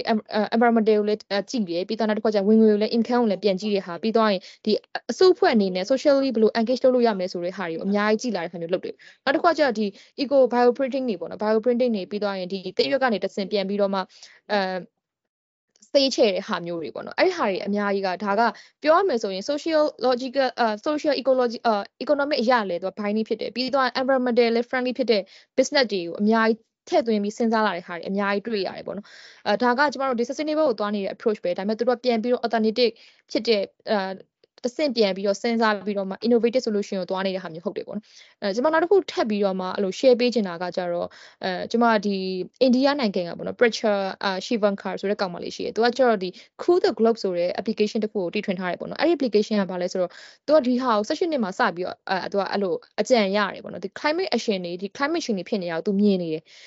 အဲကျမရဲ့လေ line ကကောင်းနေလာရင်ကျမဘက်မှာနည်းနည်းထစ်နေပြီဆိုတော့ဆရာဆရာမတို့ကောင်းကောင်းကြားရလားမသိဘူး ဟုတ်ဆရာမအဆင်ပြေပါတယ်ဟုတ်အဲဟုတ်ကဲ့ပါဟုတ်အဲ तू ကတော့ဒီပေါ့နော် तू 16နှစ်မှာစပြီးတော့အကြံဉာဏ်ရလာတာဒီ climate change တွေကို तू သိနေတယ်သိနေပြီပဲလေ तू အနေနဲ့ဘယ်လိုမျိုး action ယူလို့ရမလဲ तू တယောက်တည်းရဲ့ action ကကော effective ဖြစ်မှာလားဆိုပြီးတော့မှ तू စပြီးတွေးတဲ့ဟာမျိုးရှိရပေါ့နော်အဲ့ဒီမှာ तू ကဘာစလုပ်လဲဆိုတော့ဒီအဲ citizen lab platform for climate action ပေါ့နော်ခုနညီမလေးပြောသလိုပဲ तू ကဒီ technology နဲ့ သူရဲ့ရှိနေတဲ့ဒီ information တွေဒီ environmental နဲ့ပတ်သက်ပြီးတော့ climate change နဲ့ပတ်သက်တဲ့ information တွေထည့်သွင်းစဉ်းစားပြီးတော့မှ innovative solution တစ်ခုပေါ့သူကတိဆောက်လာတာပေါ့အဲ့ဒီ app ကဘာလဲဆိုရင်တော့သူကဒီကိုကတနေ့တာမှာ greenhouse gas ဘယ်လောက်တောင်မှတုံးထားလဲဘယ်လိုမျိုး short ချလို့ရလဲအဲဥပမာအနေနဲ့သူကကားနဲ့သွားမယ်ပေါ့ကားနဲ့မသွားဘဲနဲ့သူကစပိန်နဲ့သွားမယ်ဆိုရင်တော့ greenhouse gas ဘယ်လောက်တောင် short ချမလဲဆိုတော့ဒီကိုကနေပြီးတနေ့တာမှာအဲ greenhouse gas emission ကိုဘယ်လောက်သုံးနေလဲဆိုတဲ့ဟာကိုသူကပြန်ပြီးတော့ available လုပ်ထားတာပေါ့ paint တက်ချက်ပေးထားတဲ့ app တစ်ခုဖြစ်တယ်ပေါ့နော်အဲ့ဒါကိုသူကတီထွင်ပြီးတော့အခု စတာကတော့ကောင်မလေးတယောက်ကနေပြီးတော့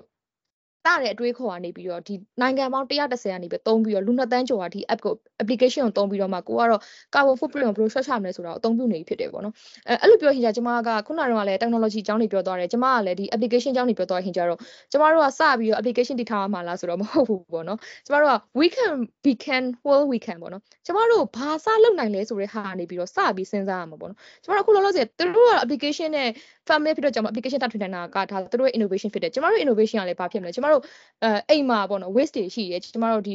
food waste တွေရှိတယ်စစချင်းကတော့ food waste တွေကိုကျမတို့ဒီကားပေါ်တင်ပေးလိုက်တာဒါမှမဟုတ် WhatsApp ပေးလိုက်တာပေါ့နော်အဲ့လိုမျိုးကနေပြီးတော့တဆင့်ကျမတို့ပြန်ပြီးစဉ်းစားမယ်ပေါ့အဲ့ food waste တွေကိုကျမတို့ကအဲ compost လုပ်ပြီးတော့မှ bokashi လုပ်ပြီးတော့ကိုယ့်ရဲ့ site ခင်းတွေမှာအသုံးပြုမယ်ဆိုရင်ဒါက innovative ဖြစ်တဲ့ solution ပဲ ဒါကကျမတို့လုံနိုင်ကနေပြီးစတဲ့အအစပဲပေါ့နော်အဲ့တော့ကျမတို့ကဒီ innovative solution လို့ပြောတဲ့ခါမှာဆိုရင်ရှေ့ရှေ့ဝေးအရန်ကြီးတွေးနေတဲ့ဟာမျိုးတွေမဟုတ်ဘဲနဲ့ကျမတို့ဘာကနေပြီးတော့စလုပ်နိုင်လဲကိုလုံနိုင်တဲ့ approach ကနေပြီးတော့ကိုစသွားတာပေါ့နော်အဲ့ဒီဟာက innovative solution ဖြစ်တယ်ပြီးတော့ကျမတို့ကပြန်ပြီးတော့ highlight လုပ်ရမယ်ဆိုရင်တော့ကျမကကိုရိုင်းကနေပြီးသိထားတဲ့ information တွေ first တွေရှိတယ်အဲ့ဒီဟာတွေကိုကျမတို့ practice မလုပ်နေပေမဲ့နဲ့တော့ကျမတို့လိုချင်တဲ့ chain ကဘယ်တော့မှရမှာမဟုတ်ဘူးအဲ့တော့ကျမတို့ကအဲ့ဒီ first တွေ knowledge တွေကို ကိုနဲ့ like minded ဖြစ်တဲ့ group တွေပြီးတော့ရင်ကိုနဲ့အမြင်မတူဘဲမဲ့ဒီဟာတွေကိုစင့်ကမ်းပြီးတော့မှတည်ဆောင်မဲ့လူတွေစီမှာစင့်ကမ်းနေရမှာလည်းဟုတ်တယ်ပြီးတော့ရင်အဲ့ဒီရဲ့ practice တွေကိုလည်းကျင့်သုံးနေရမှာဖြစ်တယ်ပေါ့နော်အဲ့ဒီမှာသာကျမတို့က chain agent လို့ခေါ်တဲ့ဒီကျမတို့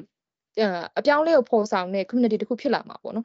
အဲ့ဒီဟာမှဒါလည်းကျမတို့လိုချင်တဲ့ဒီအဲ target အတွက် innovation solution တွေဘယ်လိုမျိုးထုတ်မလဲဆိုတာစဉ်းစားကြမှာဖြစ်တယ်ပေါ့နော်ဒါကတော့ကျမ highlight လုပ်ချင်တဲ့ဟာလေးဖြစ်ပါတယ်လို့ကျေးဇူးပါ ဟုတ်ကဲ့ပါကျေးဇူးတင်ပါတယ်ဟုတ်အဲအခုဒီပြောရတဲ့ data မှာဆိုလို့ရှိရင်တော်တော်လေးလဲစုံတယ်ပေါ့နော်ဟို digital platform တွေအသုံးပြုပြီးတော့အော်ဒီ innovative ဖြစ်တဲ့ solution တွေရှာလို့ရတာတွေရောနောက်ဒီတခြားတော့ဟိုနီးစနစ်တွေတုံးရ idea တွေလည်းအများကြီးရခဲ့တယ်လို့ထင်တယ်ပေါ့နော်ဟုတ်အဲအခုဒီဆ iam နှင်းကိုအလှည့်ပေးချင်တာကြတာပေါ့နော်ဒီ community engagement အတွက်ကိုအာလောက်ဆောင်တဲ့အရာမှာလောက်ဆောင်တဲ့နေရာမှာပေါ့နော်ဒီဟို လူငယ်တွေအတွက်ဆိုလို့ရှိရင်သူတို့ gap ဖြစ်နေတာတွေရှိတယ်ပေါ့နော်ဒီအရှိ generation နဲ့ပဲကြည့်မလားဒီအနောက်အခုလက်ရှိ generation နဲ့ပဲကြည့်မလားသူတို့ကဟို gap ဖြစ်နေတဲ့အရာတွေရှိတယ်အဲ့လိုအရာတွေတော့ဒီ community engagement ဟိုဒီ sustainable development အတွက်လုပ်တဲ့နေရာမှာပေါ့နော်သူတို့ရဲ့ဒီအာ efforts တွေကိုဘယ်လိုမျိုးအာ engagement ဖြစ်ဖြစ်နဲ့အသုံးချအောင်လို့လောက်ဆောင်နိုင်ပြီလို့အာဆရာမအနေနဲ့ထင်မိတယ်လေကဲ့ဟာ hi ပါ so ဟိုကြားရတ ယ်နော်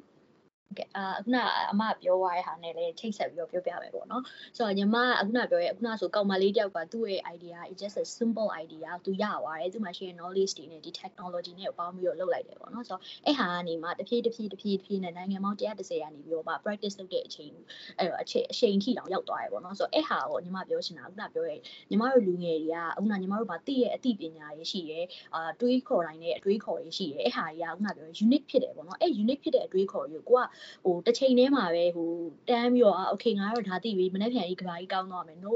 ဆိုတော့အဲ့လိုမျိုးမဟုတ်ဘူးပေါ့နော် it's like a ညီမခံယူတာကြော snowball effect လို့ခေါ်ရပေါ့နော်အခုနပြောရဲကိုကဥမာလက်နှစ်ဖက်ရှိရဲဆိုကိုတစ်ဖက်မှာရှိရဲလူနှစ်ယောက်ကိုကူညီလိုက်မယ်အဲ့လူနှစ်ယောက်ကလည်းနောက်ထပ်တခြားလူနှစ်ယောက်ကိုကူညီလိုက်မယ်ဆိုတော့အဲ့လိုမျိုး snowball effect ပေါ့နော်ဟိုကိုကကိုတယောက်တည်းကောင်းတာမျိုးမဟုတ်မှလည်းခုနကတော့ပြောသွားရပေါ့နော်ကိုမကိုကရှိနေပြီးတော့ချက်ချင်းကိုကဖြစ်သွားမှာမဟုတ်ဘူးဒါတွေက snowball effect လို့ခေါ်ရပေါ့နော်တဆင့်တဆင့်တဆင့်တဆင့်ဆင့်ချင်းဒီအာပို့ပြီးတော့ society ကို impact ဖြစ်သွားမှာပေါ့နော်ဆိုတော့ညီမဆရာတယောက်ဆိုပြောဘူးရယ်ကွာဆိုတော့ညီမတို့ကဥမာဒီ okay ဟို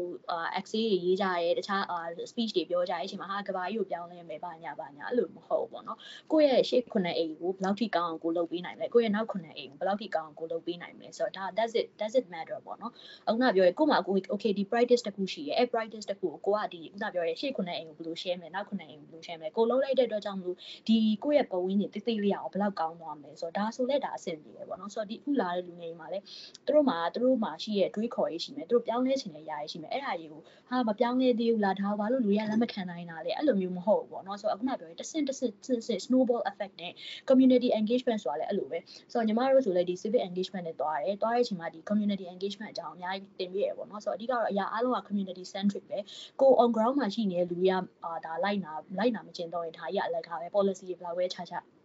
ဒါပဲလို့လို့ on ground ကအဓိကပဲ community ကအဓိကပဲဆိုတော့အခုနပြောရဲအဲ့လိုမျိုးပေါ့နော် community လိုက် engage ဖြစ်ဖို့အတွက်ဆိုလို့ရှိရင်ကိုကိုရိုင်းကနေပြီးတော့စပြီးတော့ initiative လုပ်မယ်ဆိုရင်ကိုဘေးနာ small cycles တွေကပို့ပြီးတော့ကောင်းလာမယ်အဲ့ small cycle တွေကနေပြီးတော့တဆင့်တဆင့်တဆင့်တဆင့်ပေါ့နော်ဥမာအခုနပြောရဲ word of mouth တွေ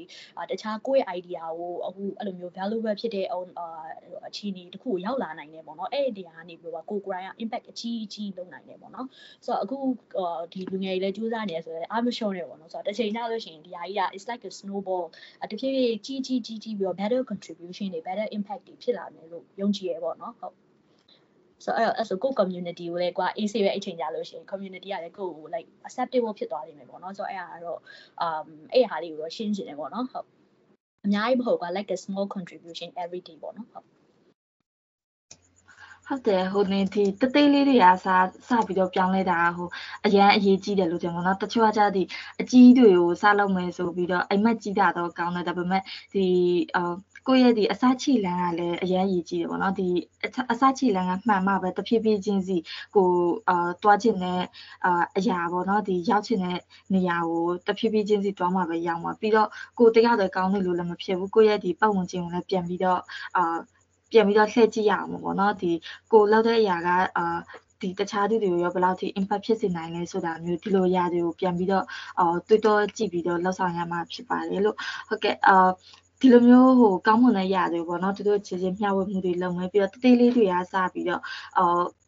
ပြောင်းလဲမှုတွေဖော်ဆောင်ပေါ့နော်ဒီလိုမျိုးလောက်တဲ့နေရာမှာဆိုလို့ရှိရင်လည်းအာလူငယ်တွေအနေနဲ့ကကြတော့အော်ပြိုင်ဆိုင်မှုတွေကအများများလာတာကိုတွေ့ရတယ်ဒီဘက်ခင်မှာဆိုလို့ရှိပေါ့နော်များတာဖြစ်တွေ့ရတယ်ပြီးတော့ challenge တွေရှိတယ်အာဥပမာဖြစ်ဆိုလို့ရှိရင်ဒီ supporting ကကောင်းမရတာတို့တချို့ဆိုလို့ရှိလဲဒီအာကိုမှတော့ creative idea တော့ရှိတယ်ဒါပေမဲ့အာ funding အလုံးလောက်မရလို့အာမလောက်ဆောင်နိုင်တာမျိုးတွေနောက်အာပူပေါင်းလောက်ဆောင်မဲ့အာသူမျိုးအဲ့လိုမျိုးတွေကိုအာ engage မဖြစ်တာမျိုးတွေပေါ့နော်ဒီလိုမျိုးတွေရှိတဲ့အခါမှာဆိုလို့ရှိရင်အာအာဒီလို policy making ဘိုင်းမှာဆိုလို့ရှိရင်လည်းဟို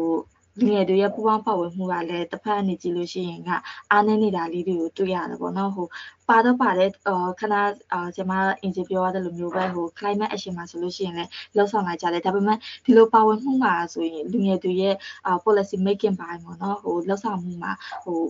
ဝင်ရောက်မှုအားကကြတော့ဘယ်လိုမျိုးအခြေအနေတွေရှိနေလဲဆိုတာရပြီးတော့ဟိုဘယ်လိုမျိုးအာ policy discussion တွေအတွက်လက်ဆောင်တဲ့နေရာမှာလူငယ်တွေကအာဘယ်လောက်ထိအခွင့်အရေးတွေရနေတယ်ဆိုတာမျိုးဟို sharing လုပ်ပေးစီချင်ပါတယ်လို့ဟုတ်ဆီယမ engineer နေစားချင်ပါတယ်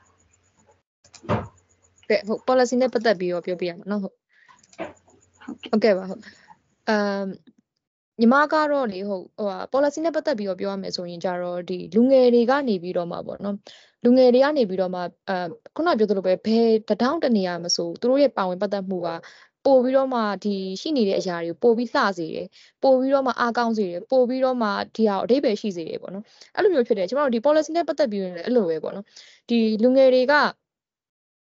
ဒီကျမတို့ချမှတ်ထားတဲ့ policy ရေ system တစ်ခုကကောင်းသွားတယ်ဆိုရင်အဲ့မှာ bounding လုပ်ထားတဲ့ policy အများကြီးရှိတယ်အဲ့ဒီ policy ရဲ့အကျိုးခံစား권ရှိတဲ့သူတွေကလူငယ်တွေလို့သူတို့က အဲတတ်မှတ်ကြရပေါ့နော်စစ်စံတစ်ခုကောင်းသွားတယ်ဆိုတော့နောက်ထပ် generation ကတော့အများကြီးအဲအများကြီးကောင်းသွားပြီပေါ့နော်အဲ့လိုမျိုးပြောကြရပေါ့နော်တကယ်တော့ကျမတို့လူငယ်တွေဆိုတာက policy အာအားကောင်းတဲ့ policy အားကောင်းမှုအတွက်ပေါ့နော်ကျမတို့ဒီ policy မှာရှိနေတဲ့ဒီအကျိုးအမြတ်ခံစားရတဲ့သူတွေပဲမဟုတ်ဘူးကျမတို့ကိုယ်တိုင်ကဒီကျမတို့အနာဂတ်မှာပေါ့နော်ကျမတို့ဖြစ်ချင်တဲ့အနာဂတ်မှာဒီ policy တွေရှိဖို့အတွက်ကျမတို့ဒေဟာကိုသွားပြီး effort လုပ်နေတဲ့ကျမတို့ဒါကိုပို့ပြီးတော့ကိုယ်တိုင်ဖော်ဆောင်နေတဲ့ ကိုယ်တိုင်ရေးဆွဲနေတဲ့ architect တွေဖြစ်တယ်ပေါ့နော်အဲပြီးတော့ရင်ကျမတို့ကဒီကိုကနောက်အနာဂတ်မှာဘာကိုဖြစ်ချင်လဲပြီးတော့ရင်ကိုဘာလုပ်ချင်လဲဆိုတဲ့ဟာကိုအဲကိုယ်တိုင်ကနေပြီးတော့သိရသူတွေဖြစ်တယ်အဲ့ဒီရဲ့အတန်တွေကိုလည်းနားဆွင့်နေရသူတွေဖြစ်တယ်ကျမတို့က အဲဒီဘေးပတ်ဝန်းကျင်ကနေပြီးတော့မနားဆွင့်ပြီးတော့ဒီအတန်တွေကိုလည်းကြားနေရတယ်ပြီးတော့နောက်တစ်ခါကျတော့ကျမတို့ကဒီလိုမျိုးဖြစ်ချင်တဲ့ဟာပေါ့နော်ကိုဖြစ်ချင်တာဒါဒါကိုဒီ vision ကိုရှင်းရှင်းမြင်သိတဲ့အခါမှာဆိုရင်အဲ့ community နဲ့ပို့ပြီး engagement လုပ်လာပြီးတော့မှငါတို့လိုချင်တဲ့ policy ကဒါဆိုပြီးတော့တို့ကအတန်ကိုထွန်းထုတ်နိုင်တဲ့သူတွေလည်းဖြစ်တယ်ပေါ့နော်အဲ့တော့ကျမတို့ကဒီကျမတို့လူငယ်တွေဆိုတာကဒီ policy တွေရဲ့ဒီ beneficiary တွေမဟုတ်ဘူးကျမတို့ကလည်း architect တွေဖြစ်တယ်ပေါ့နော်အဲအဲ့ဒီမှာကျမရဲ့ personal experience တစ်ခုကို share ချင်တယ်ကျမကဒီ 2023မှာပေါ့နော်ကျွန်မ2023မှာဒီ ASEAN Youth Community for Household Hazardous Waste Management ဆိုတဲ့ဒီအဖွဲ့တစ်ဖွဲ့နဲ့ချိတ်မိပြီးတော့မှသူတို့ကကျွန်မကိုဒီသူတို့ဒီ ASEAN ASEAN နိုင်ငံ ASEAN leader တွေအတွက် policy recommendation ပေးတဲ့နေရာမှာဒီ panel judge အနေနဲ့ပေါ့နော်လောက်ခိုင်းတဲ့ဟာတခုရှိတယ်။အဲ့ဒီမှာဆိုရင်သူကဒီ e-waste တွေ household waste တွေ household chemical waste တွေပြီးတော့ဒီ microplastic waste တွေကနေပြီးတော့မှဘယ်လိုမျိုး management လုပ်တင်တယ်အဲ့လိုအဲ့လိုလုပ်ဖို့အတွက်ကြောင့် policy အနေနဲ့ဘယ်လိုဘာနေလုပ်တင်တယ်ဆိုတော့အဲ perspective တွေကိုထည့်သွင်းစဉ်းစားရစဉ်းသွင်းစဉ်းစားကြရတာပေါ့နော်။အဲ့ဒီမှာဆိုရင်သူကသူတို့တွေရဲ့ဒီလူငယ်တွေအာဆီယံနိုင်ငံမှာရှိတဲ့လူငယ်တွေရဲ့တက်ကြွမှုသူတို့တွေရဲ့ ငါတို့ကတော့ဒီလိုပုံစံမျိုးလေးဖြစ်ရင်ကောင်းမယ်ဆိုပြီးတော့မှဒီ policy ဘိုင်းကို shaping လုပ်နေတဲ့ဟာတွေကအဲတကယ်ကိုအရန်စိတ်ဝင်စားစရာလည်းကောင်းသလိုအရန်လည်းလှတယ်ပေါ့နော်။ဘာလို့လဲဆိုတော့ဒီအာဆီယံကျမတို့နိုင်ငံတစ်နိုင်ငံမှာတော့ policy အရေးအရာပိုင်းဆိုရင်အရန်ကြီးကြီးမြင့်တဲ့မြင့်မြတ်တဲ့ဟာလို့သူကတွေးကြတာ။အဲလူငယ်တွေဆိုတာတော့လူငယ်တွေနေရာပေးချင်တာလူငယ်တွေကိုအဲ့လိုဖယ်ကျင်ထားတဲ့ဟာတွေပြီးသွားရင်လူငယ်တွေကအဲ လူငယ်ရဲ့အတွေးတွေကအဲ့လိုမဟုတ်ပါဘူးဆိုပြီးတော့မှတွေးခေါ်နေတဲ့အဲဒီတွေးခေါ်နေတဲ့အတွေးခေါ်ပန်းတွေကွဲထွက်ပြီးတော့မှလူငယ်တွေကဒီနိုင်ငံတကာနိုင်ငံတွေမဟုတ်ဘဲနဲ့အာဆီယံ community တစ်ခုလုံးအတွက်ကောက်ပကောင်းမွန်းတဲ့ policy ကတော့ဒါဖြစ်တင်ပါတယ်ဆိုပြီးတော့မှချမှတ်ထားတဲ့ policy recommendation တွေကိုသူတို့ပြိုင်ပွဲတွေလုပ်တယ်ဒီပြိုင်ပွဲတွေမှာပါဝင်တဲ့ policy recommendation တွေကိုဒီ ASEAN community ASEAN ဒီအစည်းအဝေးတွေမှာတင်ပြတယ် အဲ့ဒါတွေကအရန်လှတယ်ဒီဟာတွေဒီလိုမျိုးဟာတွေရှိနေခြင်းကကျမတို့လူငယ်တွေကငါတို့လူချင်တဲ့နာကတာထားဒီလို policy တွေတို့ချမှတ်ပေးတဲ့နေဆိုပြီးတော့သူတို့ကသွားပြီးတော့မှဒီ strategy လုပ်နေတဲ့ဟာမျိုးဖြစ်တယ်ပေါ့နော်အဲ့တော့ဒါကလူငယ်တွေရဲ့အားကလည်းအရန်ကောင်းတယ်ဒါက decision process တွေတွေမကဘဲနဲ့သူတို့တွေရဲ့ဒီရှိနေတဲ့ကိုယ့်ရဲ့အနာဂတ်ကို shaping လုပ်နေတာကိုလိုချင်တာ sustainable uh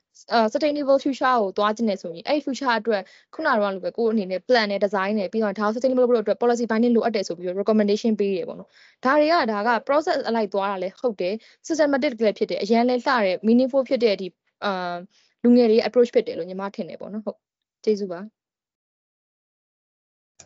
ဟုတ်ကဲ့ပါဟုတ် sharing လုပ်ပြီးတဲ့အတွက်ကျေးဇူးတင်ပါတယ်ဟုတ်ကဲ့ဒီ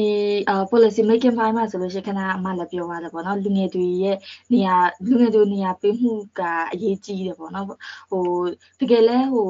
ဟို ဒီလူငယ်တွေအနေနဲ့သူတို့ကိုနေရာပေးမှာတော့သူတို့ကဒီနောက်ထပ်တက်လာမဲ့အာ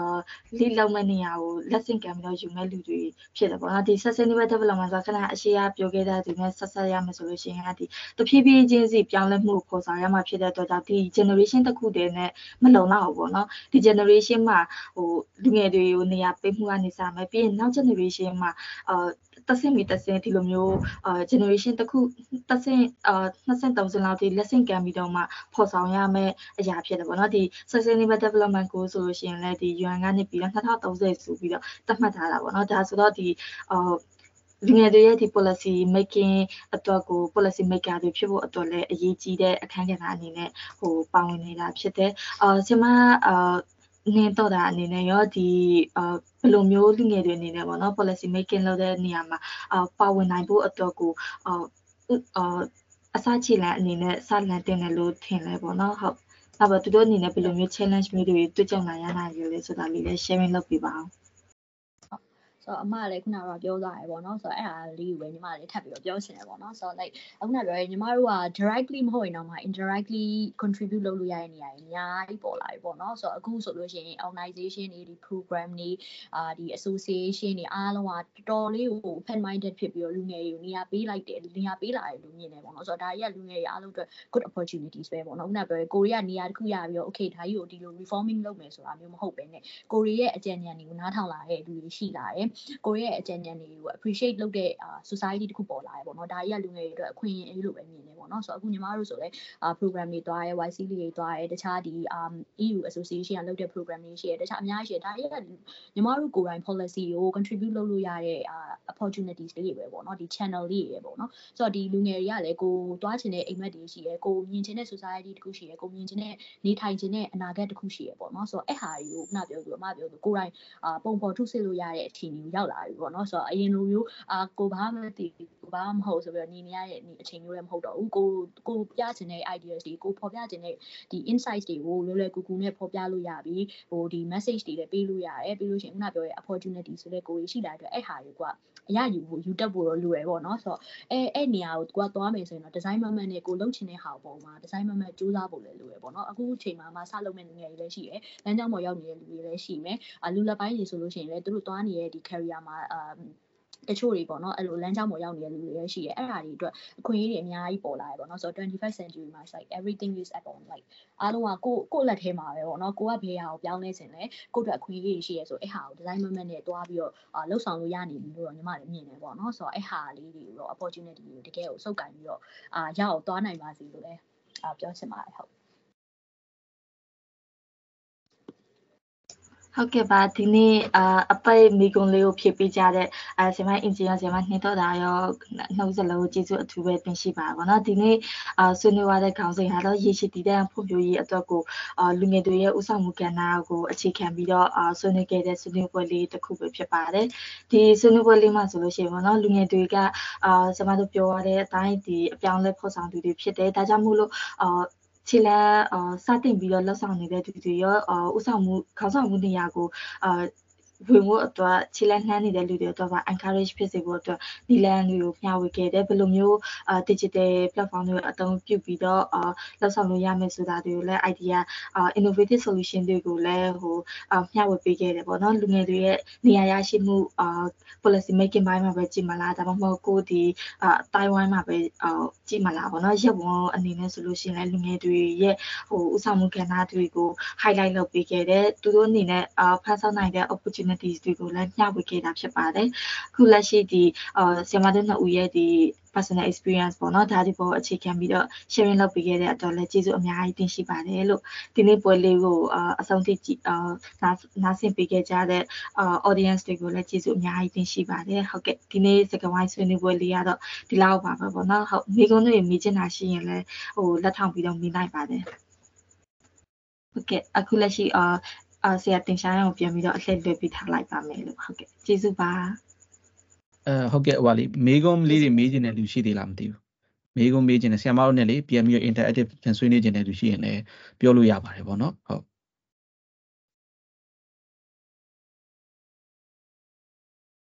အဲမေးခြင်းတဲ့လူရှိရင်လက်ညှိုးထောင်လိုက်လေရတယ်ဒါမှမဟုတ် speaker ဖွင့်ပြီးတော့တိုက်ရိုက်မေးလေရတယ်နော်ဟုတ်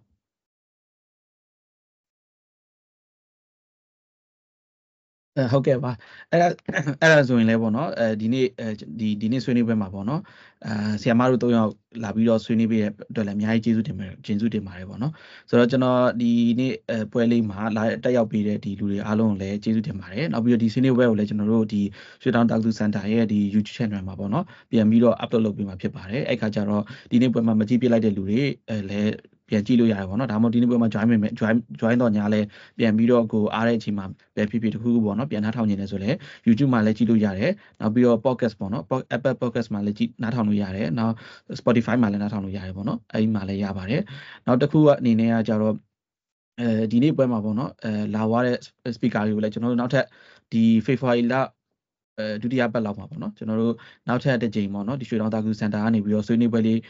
ဆက်ပြီးတော့လုပ်လုပ်ဖို့ရှိပါတယ်အဲအဲ့ဒီခါကျရင်လည်းကျွန်တော်တို့စီကိုဆက်လက်ပြီးတော့တက်ရောက်လို့ရပါတယ်လို့ပြောပြောလိုပါတယ်နောက်ပြီးတော့ဒီနေ့ပွဲမှာတက်ရောက်ပြီးတဲ့ဆရာမတွေရောနောက်တက်ရောက်သူတွေအားလုံးပေါ့နော်ကျေးဇူးတင်ပါတယ်ဟိုလက်ထောင်လိုက်တာတွေ့တယ်မေးခွန်းမေးမလို့လားမသိဘူးအဲဟုတ်တယ်ဟုတ်ကဲ့ဟုတ်ကဲ့ပါဟုတ်ဟုတ်ကဲ့ကျွန်တော်မေးချင်တာပေါ့နော် um the SDG goal ကတော့တော့ intended to be achieved by the years 2030ပေါ့နော်အဲဆိုမြန်မာနိုင်ငံအနေနဲ့ကကျွန်တော်တို့အခု progress ကဘယ်လောက် percent လောက်ထိရောက်ပြီလဲပေါ့နော်ပြီးတော့နောက်တစ်ခုကျွန်တော်တို့သိရတဲ့အကြောင်းဒီ2021မှာ COVID ဖြစ်သွားပါတော့အဲ့လိုမျိုးဆိုတော့ဒီ COVID မဖြစ်ခင်အခု COVID ဖြစ်ပြီးရဲ့အချိန်ကာလရေပေါ့နော်ဒီ agro organizations နဲ့ဘယ်လို challenges တွေနဲ့ရင်ဆိုင်နေရလဲပေါ့နော်ဟုတ်အဲ့ဒီဖြစ်ပေးစစ်ချင်ပါတယ်ဟုတ်ကဲ့ကျေးဇူးပါ အာအကိုမေးတာလားလားအာအကောင်လုံးရဲ့ဟို opinion လေး perspective လေးတစ်ချက်လောက်ဟို share ပေးရင်တော့ပိုကောင်းတာပေါ့နော်ဟုတ်ကဲ့ဆရာမတို့ဖြေဦးမလားပြီးရင်တော့အခု organization နဲ့ပတ်သက်တာဖြေလိုက်မယ်ဆရာမတို့ဖြေခြင်းတဲ့လူရှိလားအာအဲ့ဆိုရင်အခုဖြေလိုက်မယ်နော်ဆိုတော့ဒီ SCG 2030ပေါ့နော်2030နဲ့ပတ်သက်ပြီးတော့မှီလားဆိုရင်တော့အဲပွင့်လင်းပြောရင်တော့လောလောဆယ်မှာတော့ မြန်မာမှမဟုတ်ဘောနော်တကဘာလုံးတိုက်တာနဲ့အဲ target ကိုစိတ်မကောင်းတာနဲ့ပဲပြောမယ်ဆိုတော့မပြည့်မီဖို့ညားတယ်ပေါ့နော်ဒါကတော့လက်ရှိအရှိတရားပဲဒါအထူးသဖြင့်ဒီ2015တော့ဒီ Paris Agreement လုပ်တဲ့စီမှာပါခဲ့တဲ့ဆရာတယောက်နဲ့အကိုမနှစ်ကပေါ့နော်တွေ့ပြတဲ့ in person တွေ့ပြတယ်ပေါ့နော်အဲ့ဆရာကဒီ Nobel Nobel ဆုရှင်ပဲသူက Clyde ဒီ Nobel ဆုလည်းရထားတဲ့ဆရာပေါ့သူနဲ့သူကအဲ့ဒီ initiative မှာဒီ2015တော့ Paris မှာအဓိကပါခဲ့တဲ့လူပေါ့နော်သူတို့နဲ့စကားပြောတဲ့အခါကျဆရာကပြောတယ်ဗာပြောလဲဆိုတော့ အဲသူတို့လည်းဘယ်လိုပြောမလဲဒါကလုံးဝ new initiative ပေါ့နော်ကဘာကြီးမှတစ်ခါမှလုပ်ဖို့ကိစ္စမဟုတ်ဘူးအော်2050ကိုလုံးဝ net zero ဆိုတဲ့ target ထားပြီးသွားနေတဲ့ခါကျတော့2030ကိုလည်း SDG ကဒါစလာတယ်ပေါ့နော်ဆိုတဲ့အခါကျတော့အဲအားလုံးသိတဲ့အတိုင်းပဲမြန်မာပြည်မှာတွေမဟုတ်ဘူးကဘာလုံးမှာဒီစစ်ပွဲတွေလည်းဖြစ်နေတယ်ပြဿနာတွေလည်းအများကြီးပေါ့နော်ဆိုတဲ့အခါကျတော့အဲလောလောဆယ်မှာတော့ target အားလုံးတော့ပြည့်မီမှာမဟုတ်ဘူးလို့တော့အကြံပြင်းတော့ယူဆရတယ်ပေါ့နော်မြန်မာပြည်အတိုင်းအတာအနေနဲ့ဆိုရင်လည်းဒါမနေ့ကတော့ဒီ ARB Burmese မှာပေါ့နော် ဆရာတယောက်ဘာလို့လဲဆရာနာမည်ကျွန်တော်မေ့သွားပြီဆရာဆရာဦးဝင်းသူလေဆရာဦးဝင်းသူမိုးဆရာဦးဝင်းသူမိုးနဲ့အဲအင်တာဗျူးလေးလုပ်ထားတာတွေ့လိုက်တယ်ပေါ့နော်ဆရာဦးဝင်းမျိုးသူပေါ့နော်ဆရာဦးဝင်းမျိုးသူပြောတာ sorry နာမည်မှားပါဆရာဦးဝင်းမျိုးသူနဲ့ AR Republic မှာဒီအဲမြန်မာနိုင်ငံနဲ့ပတ်သက်ပြီးတော့သူဆွေးနွေးသွားတာလေးရှိရပေါ့နော်အဲ့ဒါလေးလည်းတော်တော်လေးကောင်းပါတယ်တကယ်လို့စိတ်ဝင်စားရင်လည်းနားထောင်ကြည့်လို့ရတယ်ဆရာနဲ့မီဒီယာမှာဆရာလည်းပြောသွားလဲဆိုတော့2030မှာပေါ့နော်ဒီမြန်မာပြည်မှာဖြစ်နေတဲ့ဒီ forest ဒီ တတက်တော်တွေပြုတ်တိတဲ့အပိုင်းပေါ့နော်ဒီ forestation reforestation ပြန်လုပ်ဖို့အတွက်ဘယ်လောက်လုပ်နိုင်မလဲဆိုတဲ့ဟာနဲ့ပတ်သက်ပြီးတော့လည်းအချိန်စံချိန်မီရမပြည့်မီလောက်ဘူးလို့ဆရာကလည်းသုံးသပ်သွားတယ်ပေါ့နော်ဆိုတော့အဲအားလုံးအကူတို့တွေပေါ့နော်ဒီအလုပ်တွေအများကြီးလုပ်ဖို့လိုသေးတယ်ဆိုတော့အထောက်ပြနေတာပေါ့နော်တကဘာလုံးအတိုင်းတာနေရောဒါ local အတိုင်းတာနေရောဆိုတော့ဆက်လက်ပြီးတော့လှုပ်ရှားအောင်မှာပေါ့နော်အဲ့လောက်ပဲဖြစ်ကြပါဒါပေမဲ့လည်းစိတ်ပြက်စရာတော့မဟုတ်ဘူးပေါ့နော်အဲအခုနဆရာမတို့ပြောသွားတယ်မှလည်းပါတယ်စပြီးတော့ ရှေ့ခုနှစ်အိမ်နောက်ခုနှစ်အိမ်ပဲဖြစ်ဖြစ်ပေါ့နော်စပြီးတော့အပြောင်းလဲလေးလုပ်လို့ရတယ်ပေါ့နော်ဆိုတော့ဒီကမ္ဘာလုံးအတိုင်းတာနဲ့ကအကုန်လုံးပြောင်းကျင်တာကတော့အားလုံးကတော့ဆရာထက်တန်တာပေါ့နော်ဒါပေမဲ့လည်းခုနပြောသလိုမျိုးဟိုကိုရဲ့လုံနိုင်တဲ့အတိုင်းဒါ boundary ကဘယ်လောက်ရှိလဲဆိုတာရှိတယ်ပေါ့နော်။ဥနာလိုမျိုးဒီ Nobel ဆုရှင်2015တုန်းကပါရီမှာလုပ်ခဲ့တဲ့ဆရာကြီးကိုယ်တိုင်အောင်မှာအခုပြောတဲ့အဲသူတို့မှန်းထားတဲ့လောက်တော့ဖြစ်မယ်တော့သူတို့တိတ်တော့မထင်ဘူးပေါ့နော်တိုးတော့အကောင်းဆုံးတော့ဆက်လက်ပြီးတော့လုပ်မယ်ပေါ့နော်ဘာလို့ဆိုတော့ မလုတ်လို့လဲမလုတ်နေလို့လဲဒီ temperature ပေါ့နော်ဒီကမ္ဘာလုံးတိုက်တာနဲ့ temperature ကမြင့်လာတဲ့ကိစ္စကအားလုံးသိတဲ့အတိုင်းပဲဒါကြီးကရက်နေတာမဟုတ်ဘူးလေနော်အဲ့တော့ဘယ်လိုပဲဖြစ်ဖြစ်ကိုယ်တွေဆက်လုပ်ရမှာပေါ့နော်တနိုင်တစ်ပိုင်းပဲဖြစ်ဖြစ်နောက်ဆုံးကပြောလို့မျိုးကိုယ့်ရဲ့အဲမိသားစု level ရစပြီးတော့နောက်ဆုံးကဆီယမဟင်းချင်းပြောတယ်မှာလည်းပါတယ်ပေါ့နော် waste management ပေါ့နော်ကိုယ်အိမ်ကအမိုက်ပြတဲ့ကိစ္စလောက်ကစပြီးတော့ပို့ပြီးစနစ်ကြတဲ့ဟာမျိုးသွားနိုင်နေဆိုရင်လည်းဒါပိုကောင်းတဲ့ဟာမျိုးသွားနိုင်မယ်ပေါ့နော်ဟုတ် နောက်ထပ်မေးခွန်းဖြေမေးစရာရှိသေးလားမသိဘူးအော်ဟုတ်ကဲ့အခုလို့ဖြစ်ပေးရတဲ့အတွက်ကျေးဇူးပါဟုတ်အာမြန်မာနိုင်ငံမှာကျတော့အတိတ်ကဒီတက်တော်ပိုင်းနဲ့ပြောမယ်ဆိုရင်သူတို့ကကျတော့အရင်ကတည်းအရင်ကကျတော့တကယ်ဟိုဒီတနိုင်ငံလုံး coverage ကတော့40%အထက်ပေါ့နော်အခုနောက်ပိုင်းကကျတော့တို့ဒီပြန်ပြန်ပြီးမှသူ inventory လုပ်မလားဘာမလားတော့မပြောတတ်ဘူးပေါ့နော်ဒါပေမဲ့ကျွန်တော်သိတဲ့လောက်ဆို replace သူက replace တော့ သူကဒီဒီဟိုဟာ project ကို extend လုပ်ထားရတော့တည်ရတယ်ပေါ့နော်ဟုတ်ကဲ့ဟုတ်ဒီ climate အဲသူက climate change mitigations measures တွေကတခုပေါ့နော် replace ကဟုတ်ကဲ့ဟုတ်ဟုတ်ကဲ့ပါဟုတ်အဲခုနပြောလိုမျိုးပေါ့နော်အဲဆက်တော့လုပ်နေရမှာပေါ့နော်ဒါပေမဲ့ခုနပြောကို internet နိုင်ငံကိုမြန်မာပြည်အနေနဲ့ဆိုလဲဒါ internet မှာ challenge တွေအများကြီးရှိရဲအဲကမ္ဘာလုံးတိုက်တာနေဆိုလဲ challenge တွေရှိရဲပေါ့နော်ဆိုတော့အဲဘယ်လိုပဲဖြစ်ဖြစ်ကိုလုံနိုင်တဲ့လောက်တော့ဆက်ပြီးတော့လုပ်ကြတာပေါ့နော် အဲခုနပြောလို့ဆရာဦးဝင်းမျိုးသူတို့လိုဒီ expert အနေနဲ့တော့မှသူကအရင်ကြီးသူတို့ကတော့ dog shot tracking လိုက်နေတာပေါ့နော်မြန်မာပြည်အောက်လက်ရှိ forest ကဆိုလဲဘယ်လောက် percentage ရှိရဲဆိုတော့ dog shot ကြည့်နေတဲ့ခါကျတော့အဲတည့်ရတဲ့အတိုင်းပဲအခြေအနေတွေအားလုံးလည်းရှိတည့်ရတည်ကြတဲ့အတိုင်းဆိုတော့အဲဆက်လက်ပြီးတော့လုပ်ရမယ်ပေါ့နော်ဒါပေမဲ့လည်းအဲစိတ်စိတ်စိတ်တက်ကြလို့လည်းမရဘူးနောက်လိုမျိုးအရန်ကြီးငါတို့ပြေးမိမယ်ဆိုပြီးတော့လည်းဒီအချိန်မှာပြောဖို့ကြတော့လည်းဟိုခက်ခက်တော့ခက်သေးတယ်ပေါ့နော်အဲ့လိုမျိုးလေးပဲဖြစ်ပြီးတော့ပြောချင်ပါတယ်ဟုတ် နောက်ကောမေးကုန်မေးမဲ့လူရှိသေးလားဆရာမတို့ရောပြောချင်တဲ့ဟာရှိလားဆရာမတို့ပြောချင်တယ်ပြောလို့ရပါတယ်ခုနမေးကုန်နဲ့ပတ်သက်ပြီးတော့ဖြစ်ဖြစ်ဒါမှမဟုတ်နောက်ဆုံးဖြည့်ဆွက်ပြီးတော့ဖြစ်ဖြစ်တခုပြောချင်တာရှိသေးလား